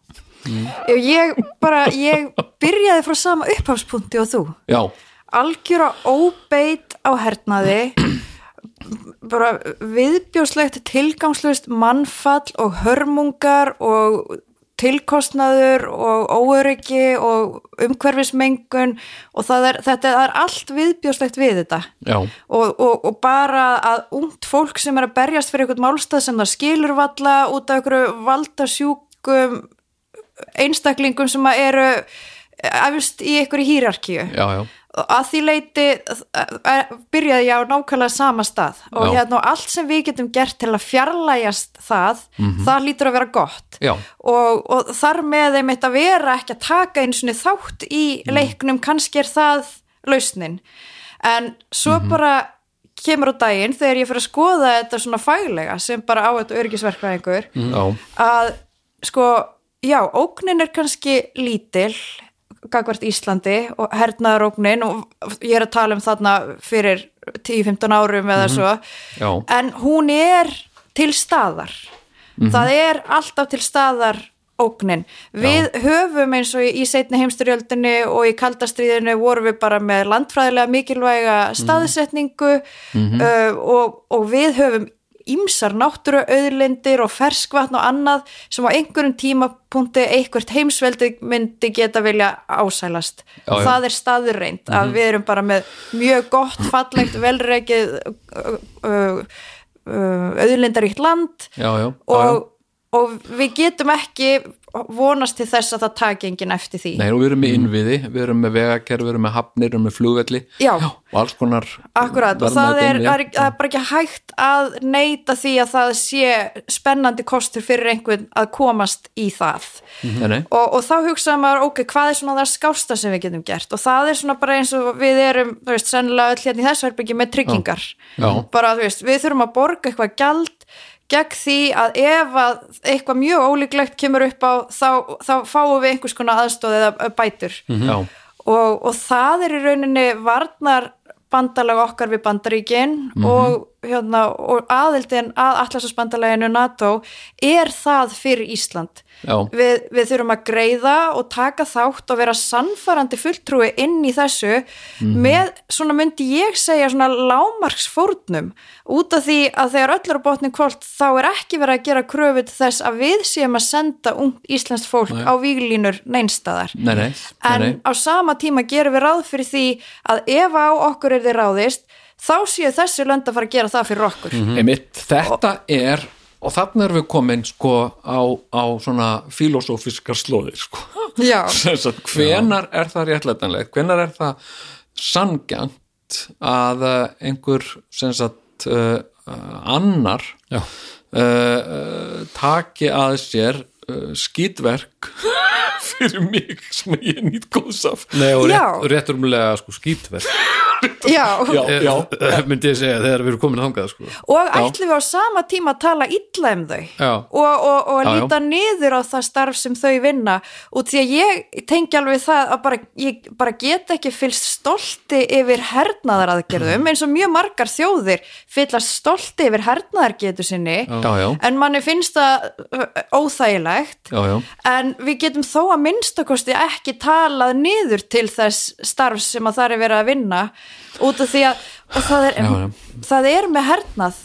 Það er óhjákvæmilegt að þegar það er verið að verja eitthvað að þá er verið að ganga á rétt annara það er ekki hægt að sigla einhverja sangjarna línu þar. Nei, nei, nei, nei, það er sko hérna, uh, sko með hernaðaraðgerðir og ég hef nú svona sem, sem pasifisti sko uh, frið, friðar, friðarsinni uh, sem kannski haldið því fram að það sé betra uh, það sé uh, það sé hérna árangusríkara að, að, að ræða saman heldur en að beita ofbeldi og svona. Og þá hef ég oftur að spyrja hvað hefði átt að hefði átt að reyna bara að tala við Hitler halda áfram að tala við Hitler og þá sagt ekki ráðast hefði Amerikanar ekki átt að blanda sér í þetta stríð og hefði bara átt að halda enn eitt fund og bara reyna að ræða við þá eða þú veist hvenar áttar á því að áttar því, hvenar allar Mm. áttar á því hvað þarf til þannig að þú áttir á því við þetta fólk verður ekki að tala Já, og þá að þú sér tilbúin til að leysa málinn með samtali, þá er Já. ekki víst að hinn aðilinn sé Nei, nei. tilbúin til þess Nei, nei. og mál eru afgreitt með ofbeldi bara á hverjum degi Já, já. bara á stórum og smáum skala það er bara alltaf einhver sem er tilbúin til að beita ofbeldi til að fá sína framgengt já, já, þó að hérna, meiri hluti fólks sé hlind því að taka samtali og sko þegar ég kom út í bandaríkjana og fór í eitt af þessum námskeiðum sem ég var í við Yale háskóla Já. um bara alþjóðleg öryggismál þá var ég hjá frábærum ungum kennara sem hétt núna Monteiro en hann lést mjög snögglega stuttu eftir það úr veikindum og, og hérna og ég sakna hans mikið sérstaklega hérna eftir innrás rúsa í Úkrænu, ég hefði mjög gjarnan vilja geta rætt það mál betur við hann já, en hann var það sem að kallast realisti í mm -hmm. alþjóðasamskiptum mm -hmm. raunhyggju sinni kannski eitthvað leis já, og það sem hann sagði var sko í alþjóðakerfinu er, eru þjóðirnar sjálfstæðir leikendur hver og einn þjóð er fyrst og fremst ber skilduga hvert sínum þegnum Já. og markmið ríkisins er að hámarka hérna, lífsgæði sinna þegna á þann hátt sem þau meta það. Já, Uh, ef þú ert að leita að anarkíu eða stjórnleysi þá finnur það þar. Það er stjórnleysi í alþjóðakerfinu því við höfum ekkert yfir þjóðlegt vald sem að getur svona raunverulega beitt hérna Nei, nei. einhverjum refsi ramma nei, nei, það er svona kvatar saminuðu þjóðirnar og eitthvað svona. Já, sko hinn hin hliðin er liberalismi eða hérna einhvers konar frjálslindi og idealismi sem að er trúin á alþjóðastofnanir. Já, mhm, og ég kom inn í tíma til hans og með trúna á alþjóðastofnanir. Já, og ég hugsaði bara, veist, nattvæðingin við erum öll orðin svo samtengt í viðskiptum bara alveg svo þú varst að lýsa. Einmitt. Og hérna allar þessar stofnanir saminuðu þjóðurnar, Evrópusambandi sko Eurovision, við erum bara búin að vera hanna kerfi, Já. þannig að við séum öll bara saman í þessu og bara veist, gera stefnu saman og lög og syngja saman og nú Einmitt, bara er já. Þetta liðin tíð svolítið, en hann bara horfði í augun á mér og sagði, þú veist, haldi bara áfram að lesa og þú mynd koma Já. til mín í realisman og hann sagði, þegar þjóð er sko ógnað þá skiptir engu máli sko hvaða vinasambönd eru hér eða þar. Nei, þetta er bara hérna survival of the fittest Já, hérna, sá lifir af sem að er sterkastur, Já, svo hæfasti lifir af Já. Mhm. og sá hæfasti er bara í mjög einfölduðu máli sá sem á stæsta herin einmitt, Það er út því að þegar sko bak við grímuna af alþjóðlegu samstarfi já, ef að það gengur ekki upp samtalið þá fellur gríman og þá er það að geta vísað í herstyrkin og sagt hér ef þú lætur mig ekki fá þetta eða við komumst ekki að samkomulegi hér þá tökum við það. Já. Og svo að svo geta heimsveldi haldið hérna, stöðu sinni eins og bandaríkin hafa gert listi vel, náttúrulega með sinn stæsta Já. en þú heldur ekki völdum nema þú náður líka á sama tíma að flytja út hugmyndafræðina þína. Og Einmitt. það hafa bandaríkin náðu að gera sko með nýsköpun, með list kvikmyndum, tónlist Já, og tísku og öðru. Þannig að þeim hefur tekist að sko flytja út hugmyndafræðina og gildin sín. Mhm. og ég held að svona í, ef við horfum á mannkynsugun í heilsinni að þá hafi ekki verið jafn sangjart heimsveldi við völdin eins og þeir eru Nei, nei. þó að þú getur aldrei orðið heimsveldi án þess að gera mjög mikið af mjög vafasumum hlutum já, líka já, já, en svona af öllum sem hafa náð þessum heimsveldi stöðu Mhm. þá eru þeir allavega að tala fyrir hversu djúpt sem það nær gildum Mhm. eins og líðræði eh, frelsi einstaklingsins málfrelsi já, já, og réttlæti Réttlæti, laganna. já, sem sagt sko og, og mér finnst þetta nefnilega mér finnst sko, mér finnst mjög aðtilsvört og gott uh, dæmi frá 20. stöldinni varðandi sko samtal eða, eða sko hernað eða, eða ofbeldi uh, finnst mér mjög gott uh, dæmi uh, og það er svona skólabóka dæmi sem þú þekkir líka vel. Og það er Norður Kórea. Sem sagt Norður Kórea sem sagt uh, 1950 uh, og það er gerð eitthvað svona ákveðin mistök uh, eftir heimstyröldina að, eh, að hérna að þá er Norður Kóriðu eða þá er Kóriðu sem sagt skipt í tvent bara með einu stríki af því það hentaði bara að hafa Suður og Norður Kóru og, og, og hérna kommunistar uh, eru við völd í Norður Kóru og og, og, og, og uh, en, en hérna mm, uh, sko vestræn uh, vestræn hugsun í Suður Kóru og uh, og hérna svo gerist það að, að Norður Kóru ákveður að ráðast inn í Suður Kóru og vil samena Kóru aftur í eitt ríki.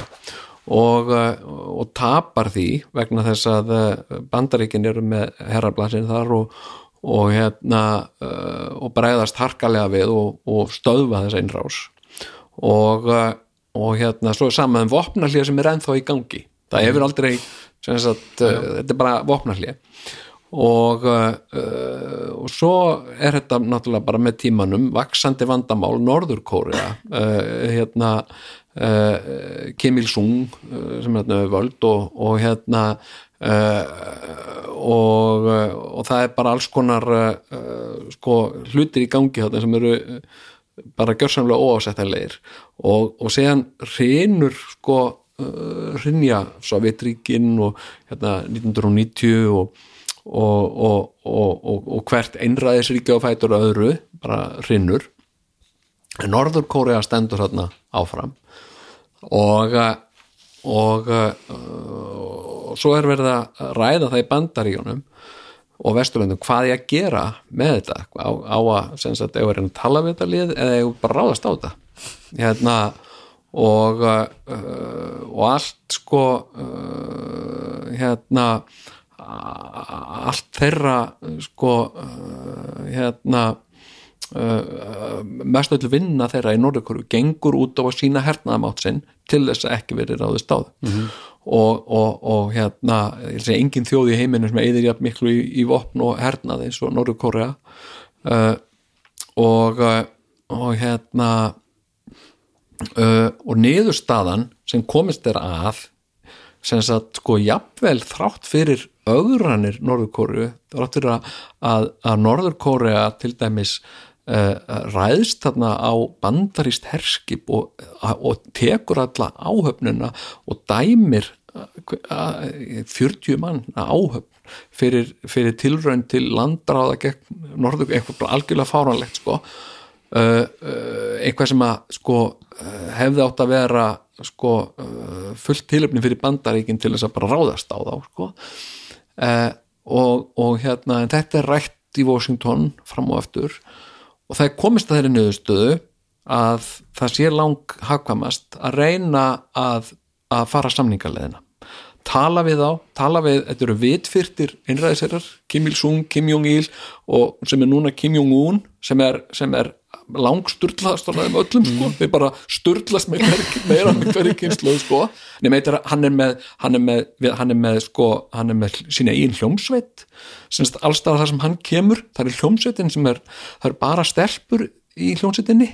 Uh, hérna hann með svona girlband. Þetta er bara alveg, og veitir hvað lag hann spilar þegar hann er að fara að tala ræðu eitthvað svona, þýmlægið úr Rocky bíómyndin, þetta er bara sturlun þetta er bara hrein og klár sturlun sko hérna hérna uh, hérna uh, sko uh, og, og sem sagt á meðan bandaríkin eru að vanda sig við það, það er það, hérna hver fórsetin og fætur öðrum sendir, sendir fulltrúa Madalín Albright fór hérna í ofinbæra heimsóknu Norður Kóru og einmitt sjá hvað er þetta að ræða við þetta lið og hvað er þetta kom, að hvaða samningum er þetta að komast. Uh, og það sem við erum búin að fá sem, sem er staðrendin í dag sem við sitjum uppi með sem, sagt, sem bara allur heimurinn sem að á meðan að Norður Kóra er búin að vera að halda öllum og snakki og eru líka búin að vera að þróa kjarnorku og þeir eiga núna kjarnorku þannig að veist, þau eru honin kjarnorkuveldi sko. Hérna uh, og uh, og nú eru, nú eru margir sem geta sagt eftir á að heikja þá hefði kannski verið betra fyrir lungu síðan að vera búin að ráðast inn í þetta land og stoppa þetta En þetta, ég held að það landi nú kannski í stóra vandamáli hvað er kemur kjarnarskófnum hvað sér þau? er, ég held að Norður Kóri hvað var það kjarnarskófn, jú þetta er Ég held að öll, stuttur þráður og já, eitthvað öll ríki sko. sem eiga kjarnorkuvopn verða bara partur af þessari hérna, mutually assured destruction eða hérna try, tryggingum algjöra eyðileggingu ef einhver Já, já. byrjar þá erum við í vondum málum það er bara, Já, það er, það, það er eiginlega sama hérna, veist, við myndum vilja óska við þyrftum ekki að hafa ógjör á þeim já, já. en, en sjáu þið bara hvað er að gerast sitt hvoru megin við línuna með við hvaða gildi Já, já, eru ríkjandi í hvoru ríki fyrir sig Mhm. hvað, hvor, hvað það er sérlega ekki vafamál hvoru megin flestir myndu vilja búa, Nei, allavega Íslandingar hérna, Já, já. við deilum sömu gildum að miklu meira leiti með Suðurkóri og, og sjáum þá velmögun sem að þeir, haf, þeim hefur tekist að búa til eftir alveg hræðilega eðileggingu bara fyrir þessum 70 árum síðan já, já, emitt jú, það er sko, en, en sko en, en Baldur, þú segir að, þú veist, það sé ekki uh, varst að segja, var, var ekki alveg Ég, ógn af þeim? ég, sko, ég var nú kannski að tala um þetta var líka kannski eimir enn af, af barnslegri hugsun Íslendingsin sem langar til að áalla sér svo að enginn í heiminum hafi greiðan aðgangaði að senda kjartokurflögu af stað án þess að þurfa að fara í gegnum þokkalega skynnsamt fólk Einmitt. í ferlinu en ég hef náttúrulega ekki hugmyndu það Nei, en ég, ég er alveg, ég er uh, svona nokkuð, ég myndi segja svona, svona miða við hérna almennt, þá er ég nokkuð vel upplýstur um, um ástandið þarna í, í, í uh, Norðurkóru og ég er ekki nokkur um einasta vafa um það að ef að, ef að þau myndu telja þörf á því, þá myndu þau skjóta kjarnorku eldflögum á Sól, Höfborg, Suðurkóru og Tókjó sem eru bara einhver mannmestu borgir í heimi sko. mm. veist, þetta er og, og hérna auðvitað eru hugsanlega einhver ráð með að skjóta það niður eða ég, ég kann ekki þann en ég, ég það, ég, það, myndi ekki hika við eitt augnablík, sko, held ég Já, og sko, og svo talar einmitt um hérna skinsamt fólk og bara rétt eins og þriðja kynnslóð Kim í Norður Kóru hann Já. er afsprengi þess uppeldi sem Já, hann já. fekk þannig að það sem okkur þykir vera svona stór undarleg hegðun er þarna er einstaklingur sem fekk aldrei tækifæri til að, hérna, að verða neitt annað en akkurat þetta út já. það var hanna þannig. Og vinkona mín hérna var alveg upp í einræðisríki. Og þess vegna hef ég alveg sérlegan áhuga á sko lesfimi og lesskilningi barna. Og því hún sagði mér alveg bráðgáfið kona og, og, og býr núna í líðræðisríki Já. og hún sagði mér að hérna að það er sko fyrsta markmið stjórnvalda í einræðisríki er að smala öllum sögðunum svo allir gangi takt. Já. og það byrjar þú að gera strax á grunnskóla aldrei og, hérna, og þú lærir að sko einhver skapandi hugsun eða einhver frávik eða einhver gaggrinni það líðist ekki. Þannig að þau lesa sögur sem eru bara svona algjörlega svartkvítar það er bara vondikall og hann gerði þetta og hann hlýtti ekki stjórnvöldum og þess vegna gerði hann þetta Já, já. og svo er það hetjan sem að hérna, framfyldi þe hérna, þeim lögum og reglum sem voru í ríkinu Mhm. og hafði í rauninni fulla heimil til að gera hvað sem er við þennan vondakall út af því að hann var réttu megin við línuna og það var alveg skýrt hvar svo lína lá Já. og það var engin svona hérna það var engin blæbrigði í bókunum og það er aldrei reynd að rýna í það af hverju var vondi kallin að gera þetta. Var hann uh, beittur ofbeldi eða var hann fátækur eða kúaður, það skiptir ekki máli. Nei, nei. ef þú ert að brjóta lögin þá áttu skilið pyntingar og fangelsisvist og annars líkt Já, já. og þannig er einhvern veginn byrjað að innræta í sumum af þessum innræðisríkjum allavega þessu tiltakna Mhm. byrjað að innræta börnum það frá fyrsta degi Já, já. að það er eins gott að þið séu góðir kall og góðir kallar, þeir benda líka á þá sem að er að sína einhverja hérna, tilneyingu til að vera vondi kallar emitt, og, já, já. og þannig far, fyrir hver að horfa yfir öxluna á hver öðrum já, já. en afleiðingin af þessu er auðvitað svo að það er náttúrulega ekki málfrelsi og það er ekki hugmyndafrelsi. Þannig að þú getur ekki komið inn með nýjar hugmyndir eða skapandi hugsun Nei, út af því að, að þú mátt ekki rugga bátnum. Og, og þar með verður nýsköpunin engin og, og það sem kennarinn segir þér er bara það sama áratug eftir áratug. Og, og nemyndur geta aldrei svarað tilbaka eða að veitt einhverja mótspyrnu. En það hefur það svolítið komið á daginn að þó það sé ákveðin þróun í sumum svona einræðisríkjum að þá verður verður engin framför. Nei, nei. Borgarnir nei. bara ef að sko lifibrauð þitt og velferð fjölskyldunar veldur á því að þú lappir í takt þá er það það fyrsta sem þú gerir. Já, já, einmitt. Og, og sko, og þetta verður líka sko að fæðast inn í svona verður hluti af svona sjálfsmynd svona svipað eins og þegar fólk fæðist inn í sértrúarsöfnuð skilur að, að hérna það er eitthvað svona ósýnileg gildi uh, uh, sem að eru þér innrætt uh, og uh, og hérna, og þú fylgir hugsunarlaust til dæmis eins og bara eins og, uh, eins og til dæmis í tilfelli Norðurkóru að, að sko þar er sagt einstaklingurinn skiptir ekki máli heldur er það heldin og vera hluti af heldinni og einræðisæran sem, sem er faðir landsins, hann er þú. Sem sagt hvernig honum líður þannig líður þér, mm. en þess að þið eru eitt. Og þetta er bara þetta er bara, skilur, þú ert samsekkur í sem sagt í öllu saman og sagt- þínar vonir og langanir þú lærir bara að kæfa þær niður og til þær eru ekki endilega Nei, það skiptir ekki máli Já, það skipta ekki máli. Nei, það er heldin, það er, það er hagur heldarinnar sem skiptir einn höfumál og sérstaklega faðirinn, sko.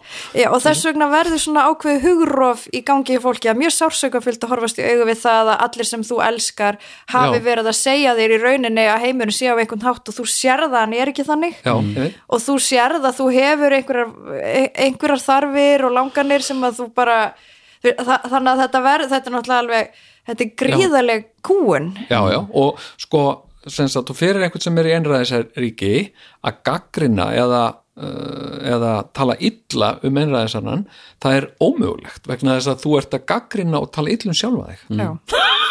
vegna þess að þú ert, út bara, út bara ráðast á sjálfa þetta er bara eins og þú setja að brjóta niður sjálfa þig Já. bara hérna uh, þetta er, þetta er sturl sko en hérna en hérna en nú er nýbúið að samþykja nýja þjóðaröryggistefnu á Íslandi uh, uh, hvað hva finnst þér um hana svo hvað finnst þér, um nú hefur eða, eða viltu ekkit tala um það?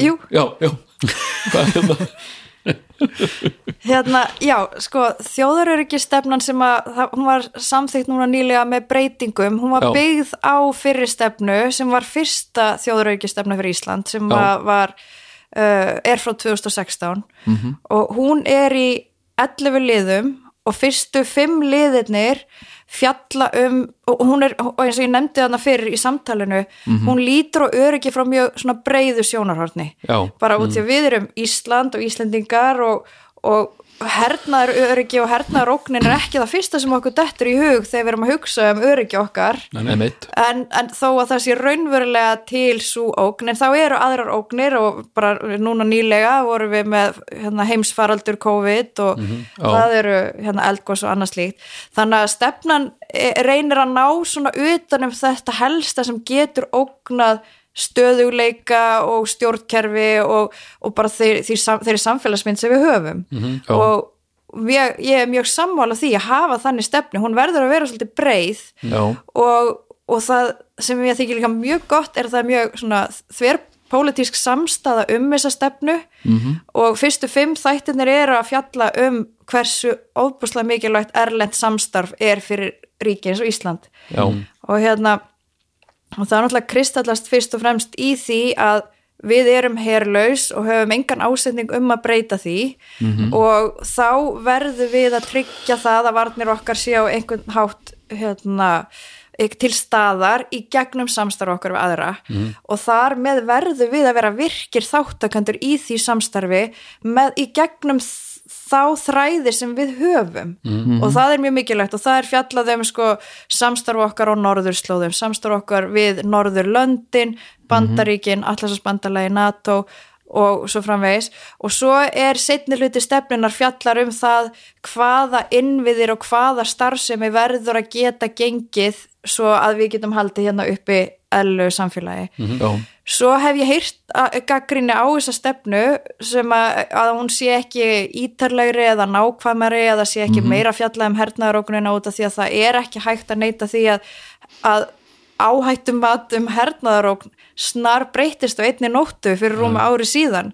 Og eins og þú segir þetta bara allir því að þú settist niður og bara hugsaðar þessi mál eftir helmingina lífinu með eina afstöðu og bara þurftir einhvern veginn að endur hugsa það já, ég menna þetta var bara, þetta er bara grundvallar svona réttlætis tilfinningataug í mér Já. skilur, sem bara sem sagt, uh, ég þurfti bara að horfast í augu við að var bara all, all á, á góðum ásetningi en miskilningi byggð já, já. Já, og hérna og ég held Það að bara- margir hafi þurft að horfast í augu við það þarna að Já. bara það sem við töldum að væri á marganhátt ómögulegt og Mhm. alveg óbúslega ósennilegt var það ræmveruleika og það bara breytir stöðumyndinni fyrir Ísland Já. bara sannarlega Já. en það sem ég held að væri frekarn að reyna að taka á uh, svona einstökum atburðum í stefnumótandi plaggi að væri þá frekar að, að undirbyggja það með einhvers konar aðgerðar áætlun eða framkvæmda áætlun um svona tiltekna þætti. Og þar er alveg vissulega hérna rými til að bæta sig í uh, öryggis og varnarmálum gegn hernaðarókn og fyrst og fremst bara vona ég og ég finn það alveg að, að hérna, innrásin í Úkraina hefur komið þessu samtali svolítið af staði hérna á Íslandi sem var búið að liggja bara í algjörum dvala lengi. Já, já, og, hérna, og mér finnst bara ótrúlega mikilvægt og mér finnst gott að ræði þetta við fólk út af því að veist, við hér á Íslandi við komum svolítið svona skáhalt inn í þetta, við höfum ekki verið partur af landhernaði, það hefur aldrei verið stríð á Íslandi ef við bara- frá er talið sko borgarastyrjöld og styrlungaöld, bara örlistæðabardagi, þá var það bara þá. Já, já, og hérna, og það talaði um svona áhættuskinnjun fólks náu cirka tvær kynnslóður aftur í tíman þannig að Já, hérna já. Uh, eins og fólk sem að hérna upplifði setni heimstyrjöldina Já. börnin þeirra og barnabörn voru vakandi fyrir svona þessum áhættumerkjum þess að mm. einræðisherra sé að rísa eða að einhvers konar undir alda sé í samfélaginu sem að sé að leiða á slæmaslóðir við erum akkurat á þeim tímapunkti þar sem að sko þessi kynnslóð er að deyja út já, og en þá fáum við náttúrulega þetta Úkrænustríð svolítið í andlitið núna já, í já, Evrópu já. til að minna okkur á þetta aftur. Einmitt. Þannig að hérna að mér finnst bara, veist, ég sem sérfræðingur og, og pælari í þessu mér finnst frábært að fólk komi með tillögur og efist um gæði þess fyrirkomulag sem við erum með núna og bara að taka rökræðina svo við getum Já. reynt saman sem þjóð að halda í gildin okkar -hmm. en líka verið upplýst og verið virkir þáttakendur já. hérna uh, hvaða, sko, það er eitt sem ég dettur í hug sem að við þetta, sko, ég var að hérna horfa á uh, alveg stórmerkilega heimildamind um daginn sem heitir uh, Getting Away with Murder S, sem sagt í svega Getting Away with Murders og er um helföruna og aðalega um sem sagt uh, Nürnberg réttarhöldin og uh, sem sagt uh, tilraunir til þess að koma lögum yfir þetta, uh, þessa glæbamenn mm. sem að mistókst við náðum ekki dæma nema bara örlítið brot af, uh, af, af fjölda styrðisklaba manna sem, að, voru á lista yfir menn sem átti ákjara það var bara ekki til fjármagn eða tími eða, eða resursar í það, það var ekki hægt. Og, uh, og þetta bara svona dó út sko og það voru fjöldi, það voru þúsundir manna sem, sem sko uh, sem að gengur bara lausir eftir að hafa átt þátt í að myrða þúsundir og, og, og hundruður þúsunda manneska sko. Og, og það var hérna viðtal við uh, hérna uh, einhvern mann þarna hjá uh, helfararstofnun og var að tala voru að spurja hann hvað finnst þér um veist svona, uh, svona holocaust helfarar afneitun svona holocaust denial? Og hann var að segja sko, mér finnst það ekki alvont mér finnst það skárra að það sé eitthvað lið sem afneitar því að þetta hafi gerst en að það sé eitthvað lið sem að er í alvörinu að halda því fram að þetta hafi bara verið gott mál. Sem, sem er ekkert afneitað þessu bara segir heyrðu neita og bara frábært. Og hérna, og ég alveg bara já, ymmit það er skömmin í skára að, að það sé ykkur svona vitfyringar sem segir bara, nei, þetta gerist ekki. Og allir vita að þetta er bull heldur en einhver sem fyrir að halda því fram að þetta hafi kannski ekkit verið svo vitlaust sko. mm. hérna, þannig en, en hérna uh, sorry, hvaða uh, ef þú bara uh, hérna, ferði yfir það hvaða ógnir telur þú að séu þær raunverulegust ógnir sem að steðja að Íslandi núna og í nánustu framtíð Hva, hvers konar ógnir eru það? Erum við að tala um hernað, erum við að tala um náttúranfar, erum við að tala um gemverur eða hvað það er? Sko, eins og ég nefndi í byrjun, þá er einhvern veginn áhættustýring, þú setur upp sviðsmynd og svo er það líkur á afleðingar. Já. Líkur á því að þessi sviðsmynd gerist og hvað afleðingar hún hefur. Og það er alveg auðvelt að setja upp alls konar sviðsmyndir, bara hvað ef það kæmi geimverur, það geti haft þessar og þessar afleðingar, Já. en svona eiginlega hinn heila í gralur er bara líkurnar. Það Já. er svo erfitt að vita. en sem komið er mjög ólíklegt. Já, þú Já, veist, sögulega, við verðum alltaf byggjit á bara svona sögulegum hérna, þú veist, atburðum. Og sögulega eru bara 0% líkur á því að við verðum fyrir einhvernum skada af geimverum eða af uh, erlendri innrásarliði sem sé komið hérna til að, að skada íslenska borgara. Og þess vegna er mjög eðlilegt að bara, ef, veist, ef við erum bara alltaf að byggja þetta á sögunni að þá séum við bara í 0% það er enga líkur, þurfum ekki að hafa ágjör af þessu. Já, en svo erum við líka á sama tíma að sjá atbyrði gerast sem að, veist, bara á hverjum degi sem að hafa aldrei gerst áður. Já. þannig að það er alveg svona klassíst að vera einhvern veginn að reyna að ná utanum svona þessi helstu atriði og svo bara gerist eitthvað svona akkurat annað. Og, og það er, þú veist, auðvitað það sem við, stöndum svolítið frammi fyrir vandamálið, þannig að hérna það sem að ég myndi vilja fá spá fyrir út, því að nú er þetta bara spámennska Já. en bara eitthvað svona upplýst spámennska er ógnin af netárásum ég held að og ég hefði talið að innrásastrið í Úkrænu myndi vera framið með netárásum og lömun innviða já, í gegnum netárásir og svo áráðurs hérna málflutningi. Já, og það tekur kannski já. og það tekur kannski lengri tíma að ná árangri þannig en ég held að árangurinn verði meiri og það er það sem ég myndi hérna, helst óttast fyrir hönd Ísland. Mhm. Íslands er að hérna, við erum nettengdasta þjóð í heimi. Og við erum búin að algjörlega bara hoppa út í djúpilaugina með bara alla svona öll snjáltæki og öll þægindi sem fylgja nettengingunni. Mhm. já, já. og ég hef bara verið að fara til útlanda núna nokkuð skipti bara með farsíma og ekki bara grænan eiri eða skilri ekki á mér eða neitt, bara nei, nei, allt nei, í einu tæki. Og gerfigreindir sko eru búin að læra íslensku já, og hérna þannig að eða er hann ekki alveg búnar að læra hana en þær eru á góðri leið með það? Sko gerfigreind er að læra eitthvað sko í þessari viku sem var óhugsandi í síðasta mánuði, það, Já, já. sko þróunin er svo þetta er hröð. að gerast helvíti hratt núna. Já. já, já, þannig að það sem að ég myndi vilja sjá Ísland gera út því að hérna, veist, það kemur alltaf reglulega upp svo umræða hér á Íslandi og nýlega kom út bók eftir hérna, Arnur Sigurjónsson sem er bara mjög hérna, vel upplýstur og klár maður, ég hef ekki lesið bókina Nei, og mér finnst bara fínt að þessi umræða sé alltaf tekin reglulega út af því að það að vera herlaus það er mjög óvinnilegt og það er alveg eðlilegt að ræða það reglulega. Einmitt, og svo já. komast að þeirri niðurstöðu að ég hef komast að þeirri niðurstöðu en þá að það sé ekki ástæða til þess. Ekki þess skilningi sem að við erum vön að her er einhvers konar sko klossar að þramma Já, ekki einhvers ástæð til þess að, að vera með einhvers konar lið. Já, ég tel það ekki eiga við á Íslandi. Nei. Um, við höfum ekki mannfjöldan til þess, við höfum ekki hagkerfi til að vera að kaupa rándýran búnað út til þetta eru skip, þetta eru flugvél, þetta eru skriðdreikar og annað Mhm. Já, já. Og, og ég tel að svo hugmynd eigi engan veginn við á Íslandi að hafa her í þeim skilningi Nei. nei um, það sem við eins og að gætum gert og það þyrfti ekkert að kallast her það gæti verið bara einhvers konar öryggissveit eða annað, Svona heimavarnarlið eitthvað já, Já, sem það, væri samt, það, er, það er samt svolítið svona stærra orð en Já, ekki, ekkert af þessum sko, það eru þessi, þessar þrjár vittir hefðbundis hernaðar. Hernaðar eins og hann var þangar til bara eiginlega um síðustu aldamót. Það var sjór, land, loft. Ég held Já, að. Íslanda ég ekkit erindi inn í þær vítir við Nei, nei. erum bara, það eru aðrar þjóðir með mörg hundra ára reynslu af því Já. sem að við erum bara búin að gera samkomulag um að veist, þær taki það. Mhm. það sem að við getum komið inn í er að það eru tvær nýjar vítir búin að bætast við.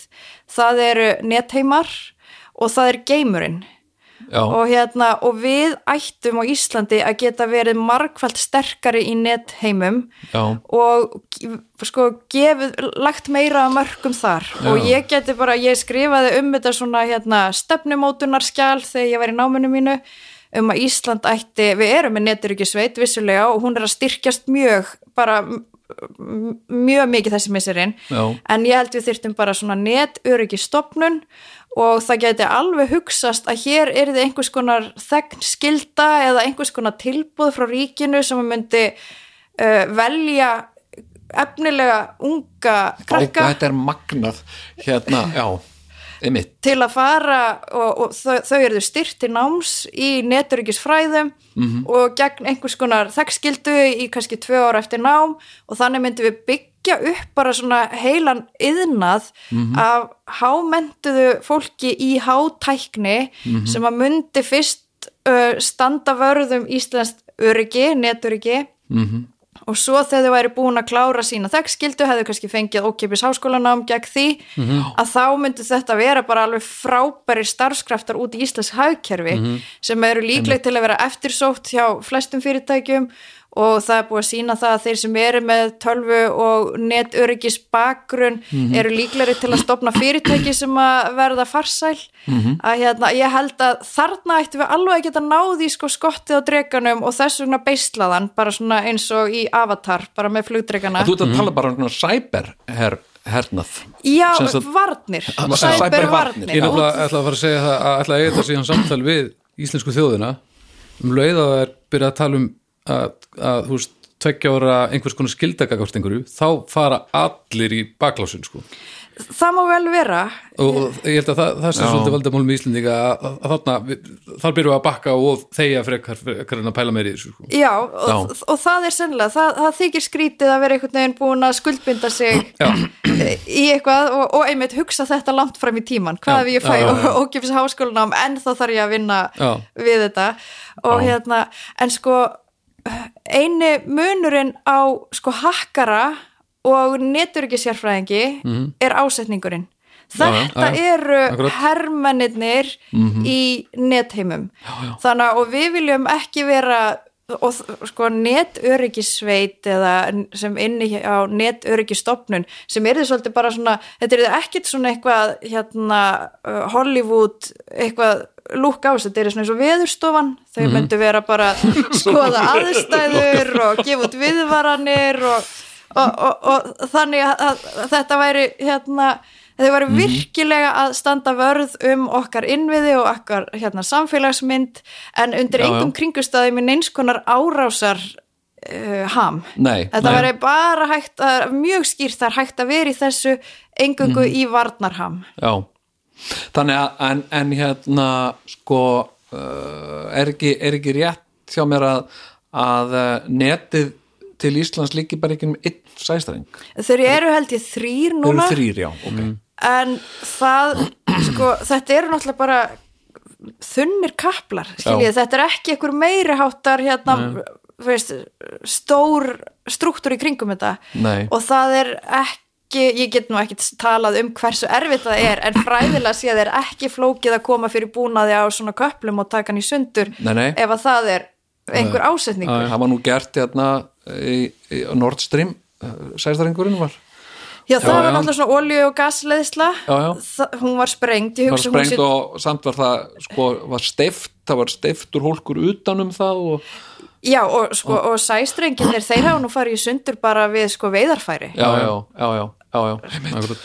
en hérna þannig að, eh, en sko en hvað með eitthvað svona uh, hérna uh, hugmyndir, nú, nú hefur verið umræða í Evrópu um eitthvað svona Evrópuher.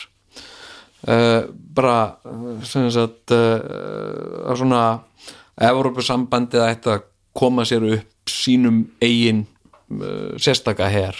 Og ég veit svo sem ekkert hvar, hvar, hvar það er og vegi statt en það eru náttúrulega margar Európa þjóðir með mjög stóra heri uh, uh, sko og uh, særu Ísland verða einhvern hlut af einhverju svoleiðis? Uh, við erum náttúrulega bara hluti af allarsvarsbandalaginu og þar með erum við í sameinuðu varnarbandalagi. Uh, og ég held að uh, sko að ég efast um að hugmyndin um einhvern sam-európskan her verði að veruleika. Það er sko herir hvers land fyrir sig hafa sína menningu, sínar aðferðir og, og, og sitt svona, uh, svona hýrarkíu kerfi. Já. og það sem að bara við höfum gert, ég meni, og við erum að gera eins og ég vann uh, lengi hjá landhelgiskæslunni við erum náttúrulega í borgarlega málum þar en við vorum að vinna mikið með sjóherjum og, og strandgæslum nágrannarlanda okkar í mm sameilum æfingum. Þar, og þar auðvitað kemur alltaf í ljós heyrðu, þau eru vön að vinna með þennan búnað og kunni ekki að stýra þessum búnaði mm. og, og það kom alls konar í ljós svona, en ég held að það sé farsalast að hvert og eitt ríki hafi sinn her og stýri sínum hermálum eða öryggismálum eins og við gerum á Íslandi að þess að það sé ykkur í sameiginlegri púlju en að við séum duglega að hafa sameiginlegar æfingar þannig að við þekkjum samskiptaleiðirnar og búnaðin sem við erum að vinna með. Já. Uh, hérna mm, já, þá er þetta nú bara sko að verða svolítið tæmt hjá okkur dagskráin sko. Hérna uh, engan veginn, en þetta er orðið mjög gott. Hérna uh, sko uh, ég, ég hérna mér finnst þetta, þetta rosalega aðtiklisverð sem þú ert að segja svolítið með, með, með sko uh, cyber cybervarnir. Ég hafði ekki séð þetta fyrir sko uh, og uh, en það annað sem að hérna kannski uh, svona hugtak sem er aðeins búið að vera í tísku uh, undanfarið og það er matvælauriki hvað hérna sagt uh, þurfum við að leggja í einhverja einhverja uh, vinnu til að búa til matvælauriki eða búum við við matvælauriki eða veist er þetta eitthvað sem að sem að við þurfum að skoða finnst þér? Já, sko, matvæla öryggi er eitt og fæðu öryggi er annað ok, og það er mjög klassíst að blanda saman þessum hugtökum og ég er í meiri sér ekki alveg 100% með það á hreinu. Já, en ég held að matvæla öryggi sé hversu örug, örugur matvælin sem þú ert að borða eru bara upp og þú verður ekki veikur að þeim. Aha, ok. En já, já. fæðu öryggi er aðgangurinn þinn að mat. Já. ég held ég held ég sé ekki sviss þessu. Og, og fæðu öryggi er sannarlega mikilvægt sérstaklega fyrir Ísland. Við fórum frá því að vera náttúrulega algjörlega sjálfbær um okkar eigin fæðu þó hún hafi verið alveg rosalega fábreytt. gallsúr. Já, og gallsúr. Já, uh, en þá, voru þeir tímar þar sem við sáum um að, að fæða okkur. Já, og yfir í það að að, að flytja inn meira og meira af matvælum og treysta á að flutningsleiðir yfir haf og loft séu algjörlega órofnar bara á hverjum degi. Já, já. og við vitum alveg að það getur breyst hratt. Og sérstaklega ef að þetta hræðilega stríð sem er nú búið að standa yfir í, í rúmt ár og sér ekki fyrir endan á ef að það dregst enn meira á langin hvað þá ef það hérna, færist upp á ennþá harðari stig eða fleiri landsvæði að þá er það ekki bara sko, aðfangakæðjunar sem að rofna heldur getur hreinlega líka verið bara að siglingaleiðir eða flugleiðir myndu ekki vera jafn greiðar og áður. Og þess vegna hef ég svolítið verið hugsið yfir því nú búið að vera mikið rætt um sko veganisma og græmmetisfæði og við ættum bara að hætta þessari söðfjörrækt út því að við bara þetta er umhverfið spilland að vera að borða svona mikið kjöt og allt slíkt. Já, en í mínum huga er bara það partur af þjóðaröryggi að við séum bara með ákveðið mikið söðfjö á landinu og við séum með mm Mhm. prótíngjafa sem eru þá búfjönaður og, og, og svo matvæla framleiðsla sem kemur þaðan og að við förum að leggja bara enn meiri áherslu á Mhm. græmmetis og ávaxtarækt hér innanlandskortrækt og annað og því að við höfum séð alveg frábæra nýsköpun með hérna þessa grænmetis turna þar sem þetta er í svona hátækni gróðurhúsum já, já, já, já. og hvernig við getum nýtt hérna jarðhitan til að rækta já. En, alls konar matvæli en nú er, nú er bara í þessum tölu orðum er eh, sko söðfjárbúskapur er að leggjast af á Íslandi. Það bara, það fækkar á milli ára sem sagt fólki sem að kýs að stunda söðfjárbúskap og uh, ég las mjög aðtiklisverða verð viðtal við uh, unga konu í bændablaðinu bara fyrir svona tveimur án síðan. Og, og hún var að segja að það var alltaf draumurinn minn að að verða söðfjárbóndi mm. En í dag finnst mér það órunheft að, að gera það mm. af því að það er bara einhvern veginn engin er engin framtíð í því hún. og, uh, og hérna uh, fleiri og fleiri bændur uh, eru að velja einhvern annar, annars konar búskap heldur en heldur en söðfjár uh, til að því að það er bara hagkvæmara að vera með nautgrippi eða, eða eitthvað annað og, og, og, og svo náttúrulega fjölgar bændum sem að velja að fara bara í túrisma. Að bara Já, já. breyta breyta bara öllu í gistingu og vera bara með smá svona syndarbúskap fyrir túrista. Og, uh, og hérna uh, þannig að og, og varðandi sko uh, ég heyri nú alltaf sko rökin með eins og með grænmetisrækt og, og tala nú ekki um einhverja ávastaræktun hérna og svona að uh, það sé miklu sniðugara að kaupa grænmetu ávesti uh, uh, erlendis frá uh, vegna þess að það sé bæði ódýrara og sjálfbærara og miklu betra. Af því að sagt svona oft talað svona á neikvæðan hátt um íslenska grænmetið já, fólk sem að hérna uh, í útlöndum ég heyri þetta oft sko, þú veist að, að hérna fá tómata sem er bragðaf eitthvað svona. Ég, ég, Hver hérna, segir það? Ræfil skúrka er þetta. Já, hérna, hérna uh, þannig að sko en það hafa nú verið hugmyndir hérna um sko uh, stóriðju í kremmetisrækt uh, Andrisnæður var nú hérna talsmaður þess að við myndum reysa hérna kálver fara bara í stórtæka framleiðslu á Ef við ætlum að selja íslensku þjóðinni það þá þurfum við að finna annan nafn Kálver er ekki að vera landa þessu held ég. En, en ef allar flutningsleðir myndu lokast uh, sem erum að flytja inn hversu vel stundum við að við gagvart því að fæða okkur sjálf? Er, vittu við það?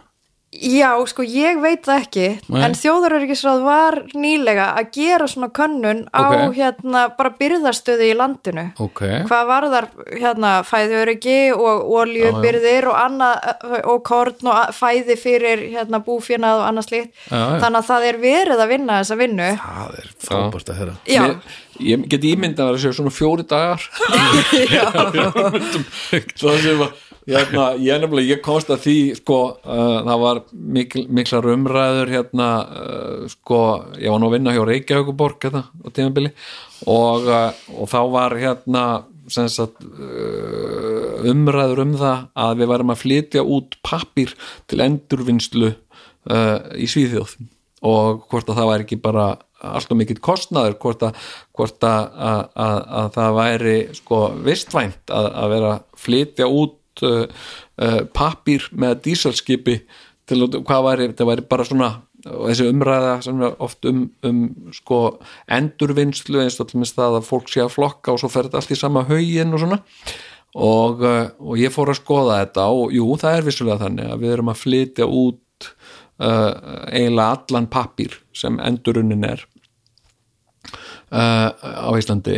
Hann er fluttur út ja, já, til Norrlandana uh, en ástæðan fyrir því er svo að, að, að það er svo mikið af flutningaskipum sem koma til Íslands sigla síðan tóm tilbaka mm.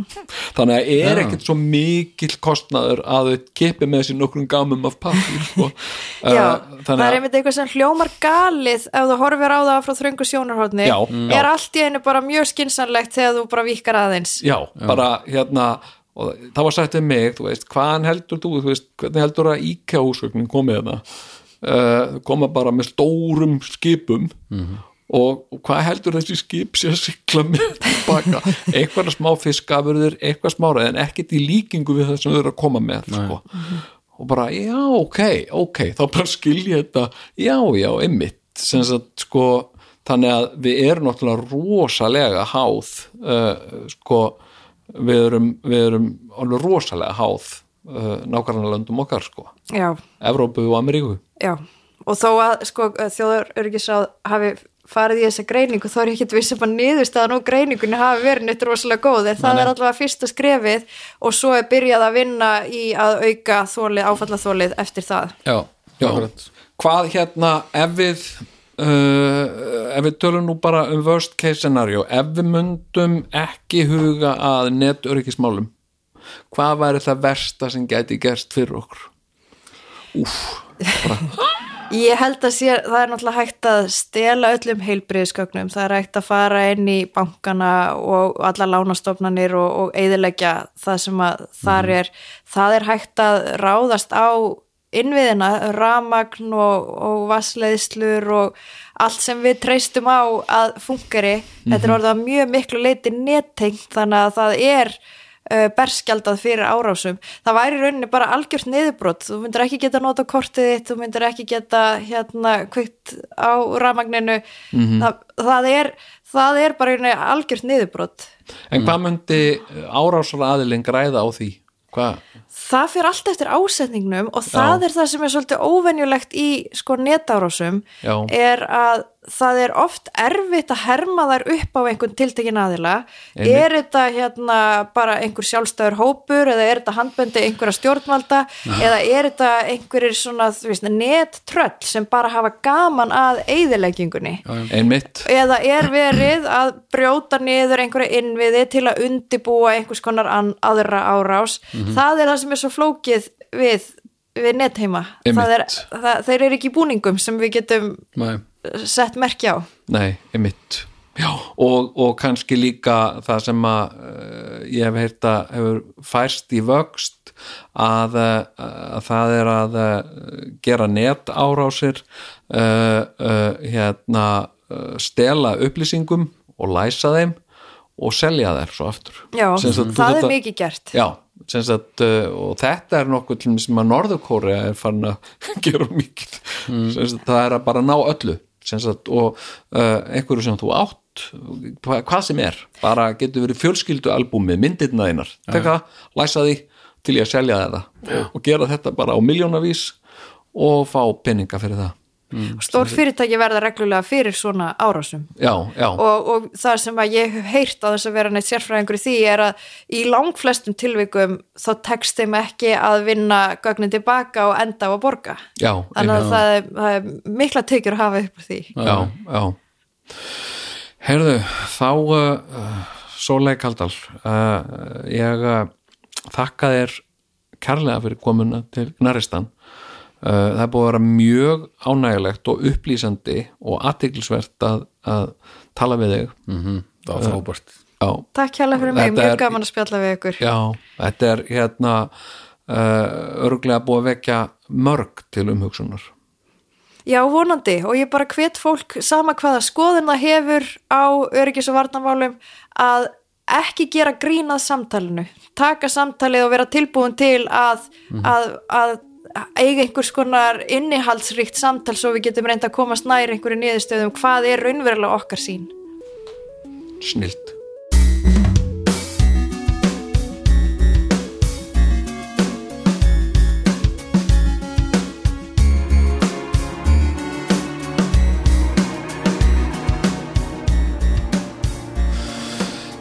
Já Þetta var aldrei smagra Ég er eiginlega svolítið orðlaus. Þetta var eitthvað gaman.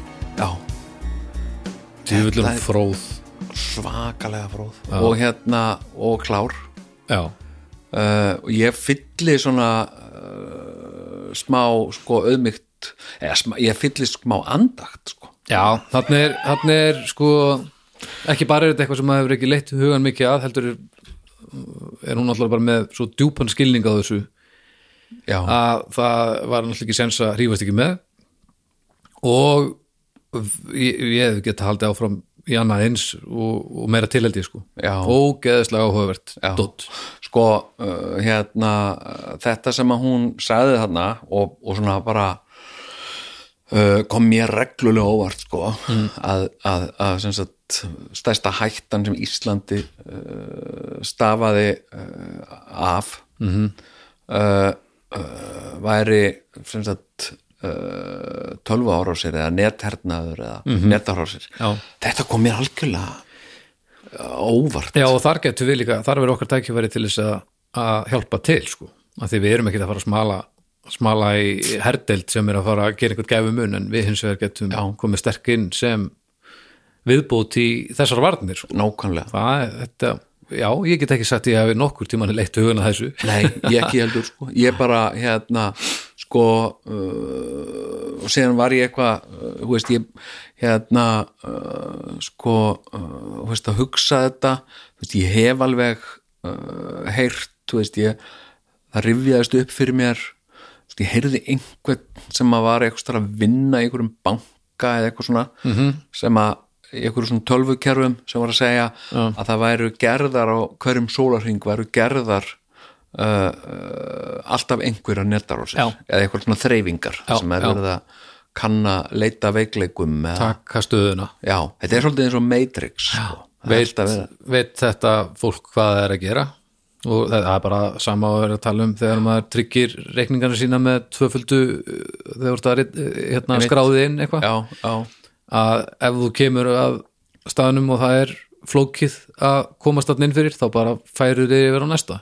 Já, einmitt. Þess vegna er svona að tala um að maður er kannski aðeins að huga nettur ekki að því að þá er ekki staldrað við heldur. Sko. einmitt, já. Ég hérna sko, svo er svo er sko uh, svo er orðið sko uh, það er orðnar sannfærandi sko uh, blekkingarnar sem sagt að, að sko uh, ég fekk póst um daginn frá Facebook. Já, og hann var mjög sannfærandi. Jæja Já. fattbeigingar og, og allt bara. Nei, hann var á, sem sagt, hann var einsku nú var hann sem sagt, já, Ó, og hérna og hann frá meta og, og við Já. team at meta, your team at meta og eitthvað. Jæja, og uh, uh, en það var eitthvað sko, það var eitthvað svona sem sagt, það voru að segja eitthvað hérna, já, hérna uh, síðan þín hefur gerst brotleg hérna við við uh, gildin okkar eða eitthvað, reglur Facebook eða meta eitthvað og, Mm. Já, já, já. Da, da, da, og ég eitthvað svona hmm, ok, mér varst það skríti, ég hef aldrei sem sagt uh, gerst neitt brotlegur við neitt svoleiðis og, uh, og ég hef ekki gert neitt á þessari síðu í svona Mm. tvö ár þannig að mér fannst það líka svona sérstætt þannig ég fór svona að skoða þetta -hmm. og og ég komst að því að þetta var ekkit Facebook sko. Nei, þetta, þetta voru sveikarappar já, Já. þannig að þannig að, en ég meina það er ekkit óalgengt að fólk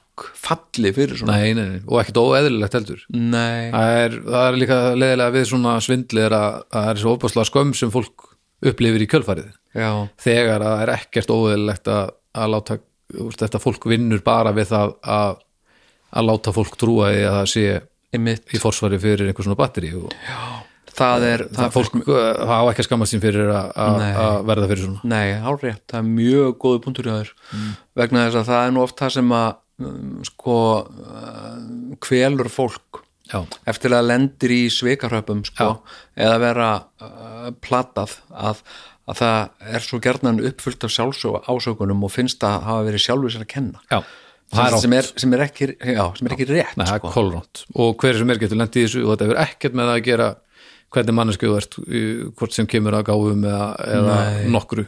Nei, þetta fólk er, er búið að sérhæfa sig að, að uh, gera þetta og það getur hver sem er lendið þessu þannig að það á ekki að skamma sig fyrir þetta. Nei og svo líka annað með sko uh, sem sagt uh, sveikarappa og, og það á viðum bara uh, spákonur og miðla og, og netsvik og svona.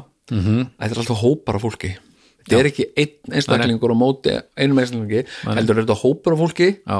samhæfðu, þjálfuðu uh, uh, hérna ósvífnu, vægðarlausu fólki sem, a, sem að er að æfa, búa vel æft í svona Já. og velur einhverja eina mannesku já, sem, sem getur ekki séð við þeim. Já, þannig að, þannig að, að hérna uh, þannig að þú veist þetta er, mér finnst þetta sko mér finnst þetta skeri sko. Þetta, semst pældi í því til dæmis bara ef að ef að, ef að uh, einhver, einhver hópur kæmist inn í uh, rafkerfi uh, landsvirkjunar Mhm. og mér myndi bara læsa því. Óöfilegt, mjög óheifilegt virkilega óöfilegt segja bara, ok, ef ekkert rammagn á Norðurlandi við ætlum að sagt, taka rammagnið af Já. landslutum bara á Íslandi Já. einum landsluta á dag þá til þið borgið, hérna er reikningsnúmer er númer. Og kendala og uh, þið bara ræði þetta.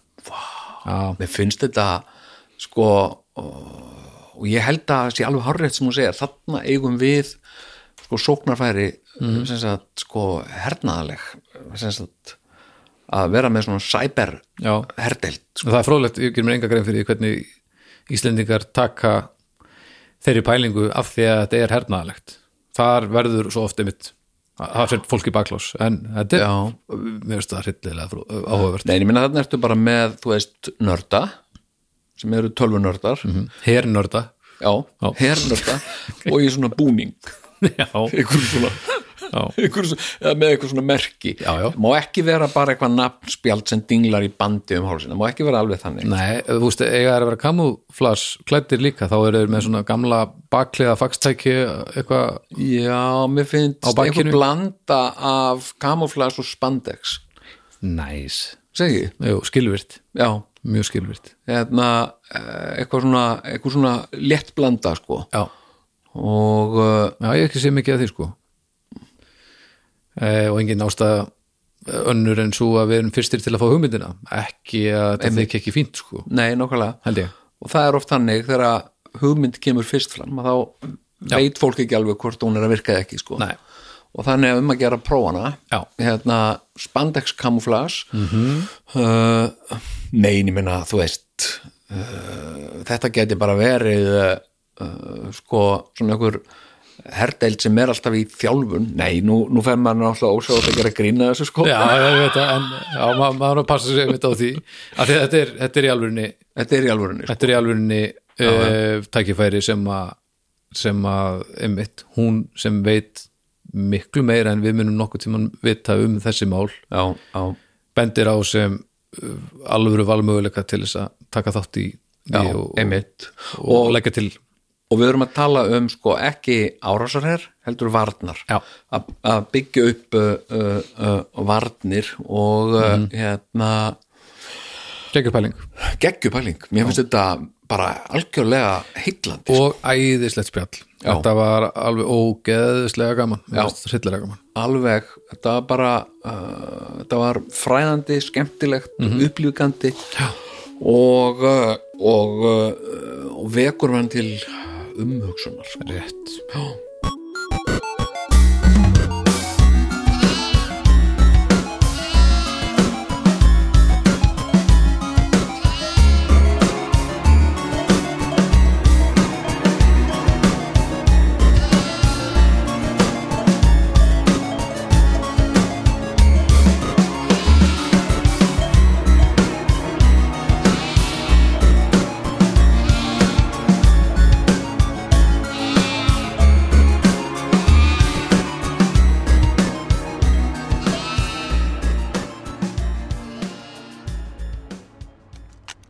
Sjóvá tryggir rattirnar í höfðun á þér.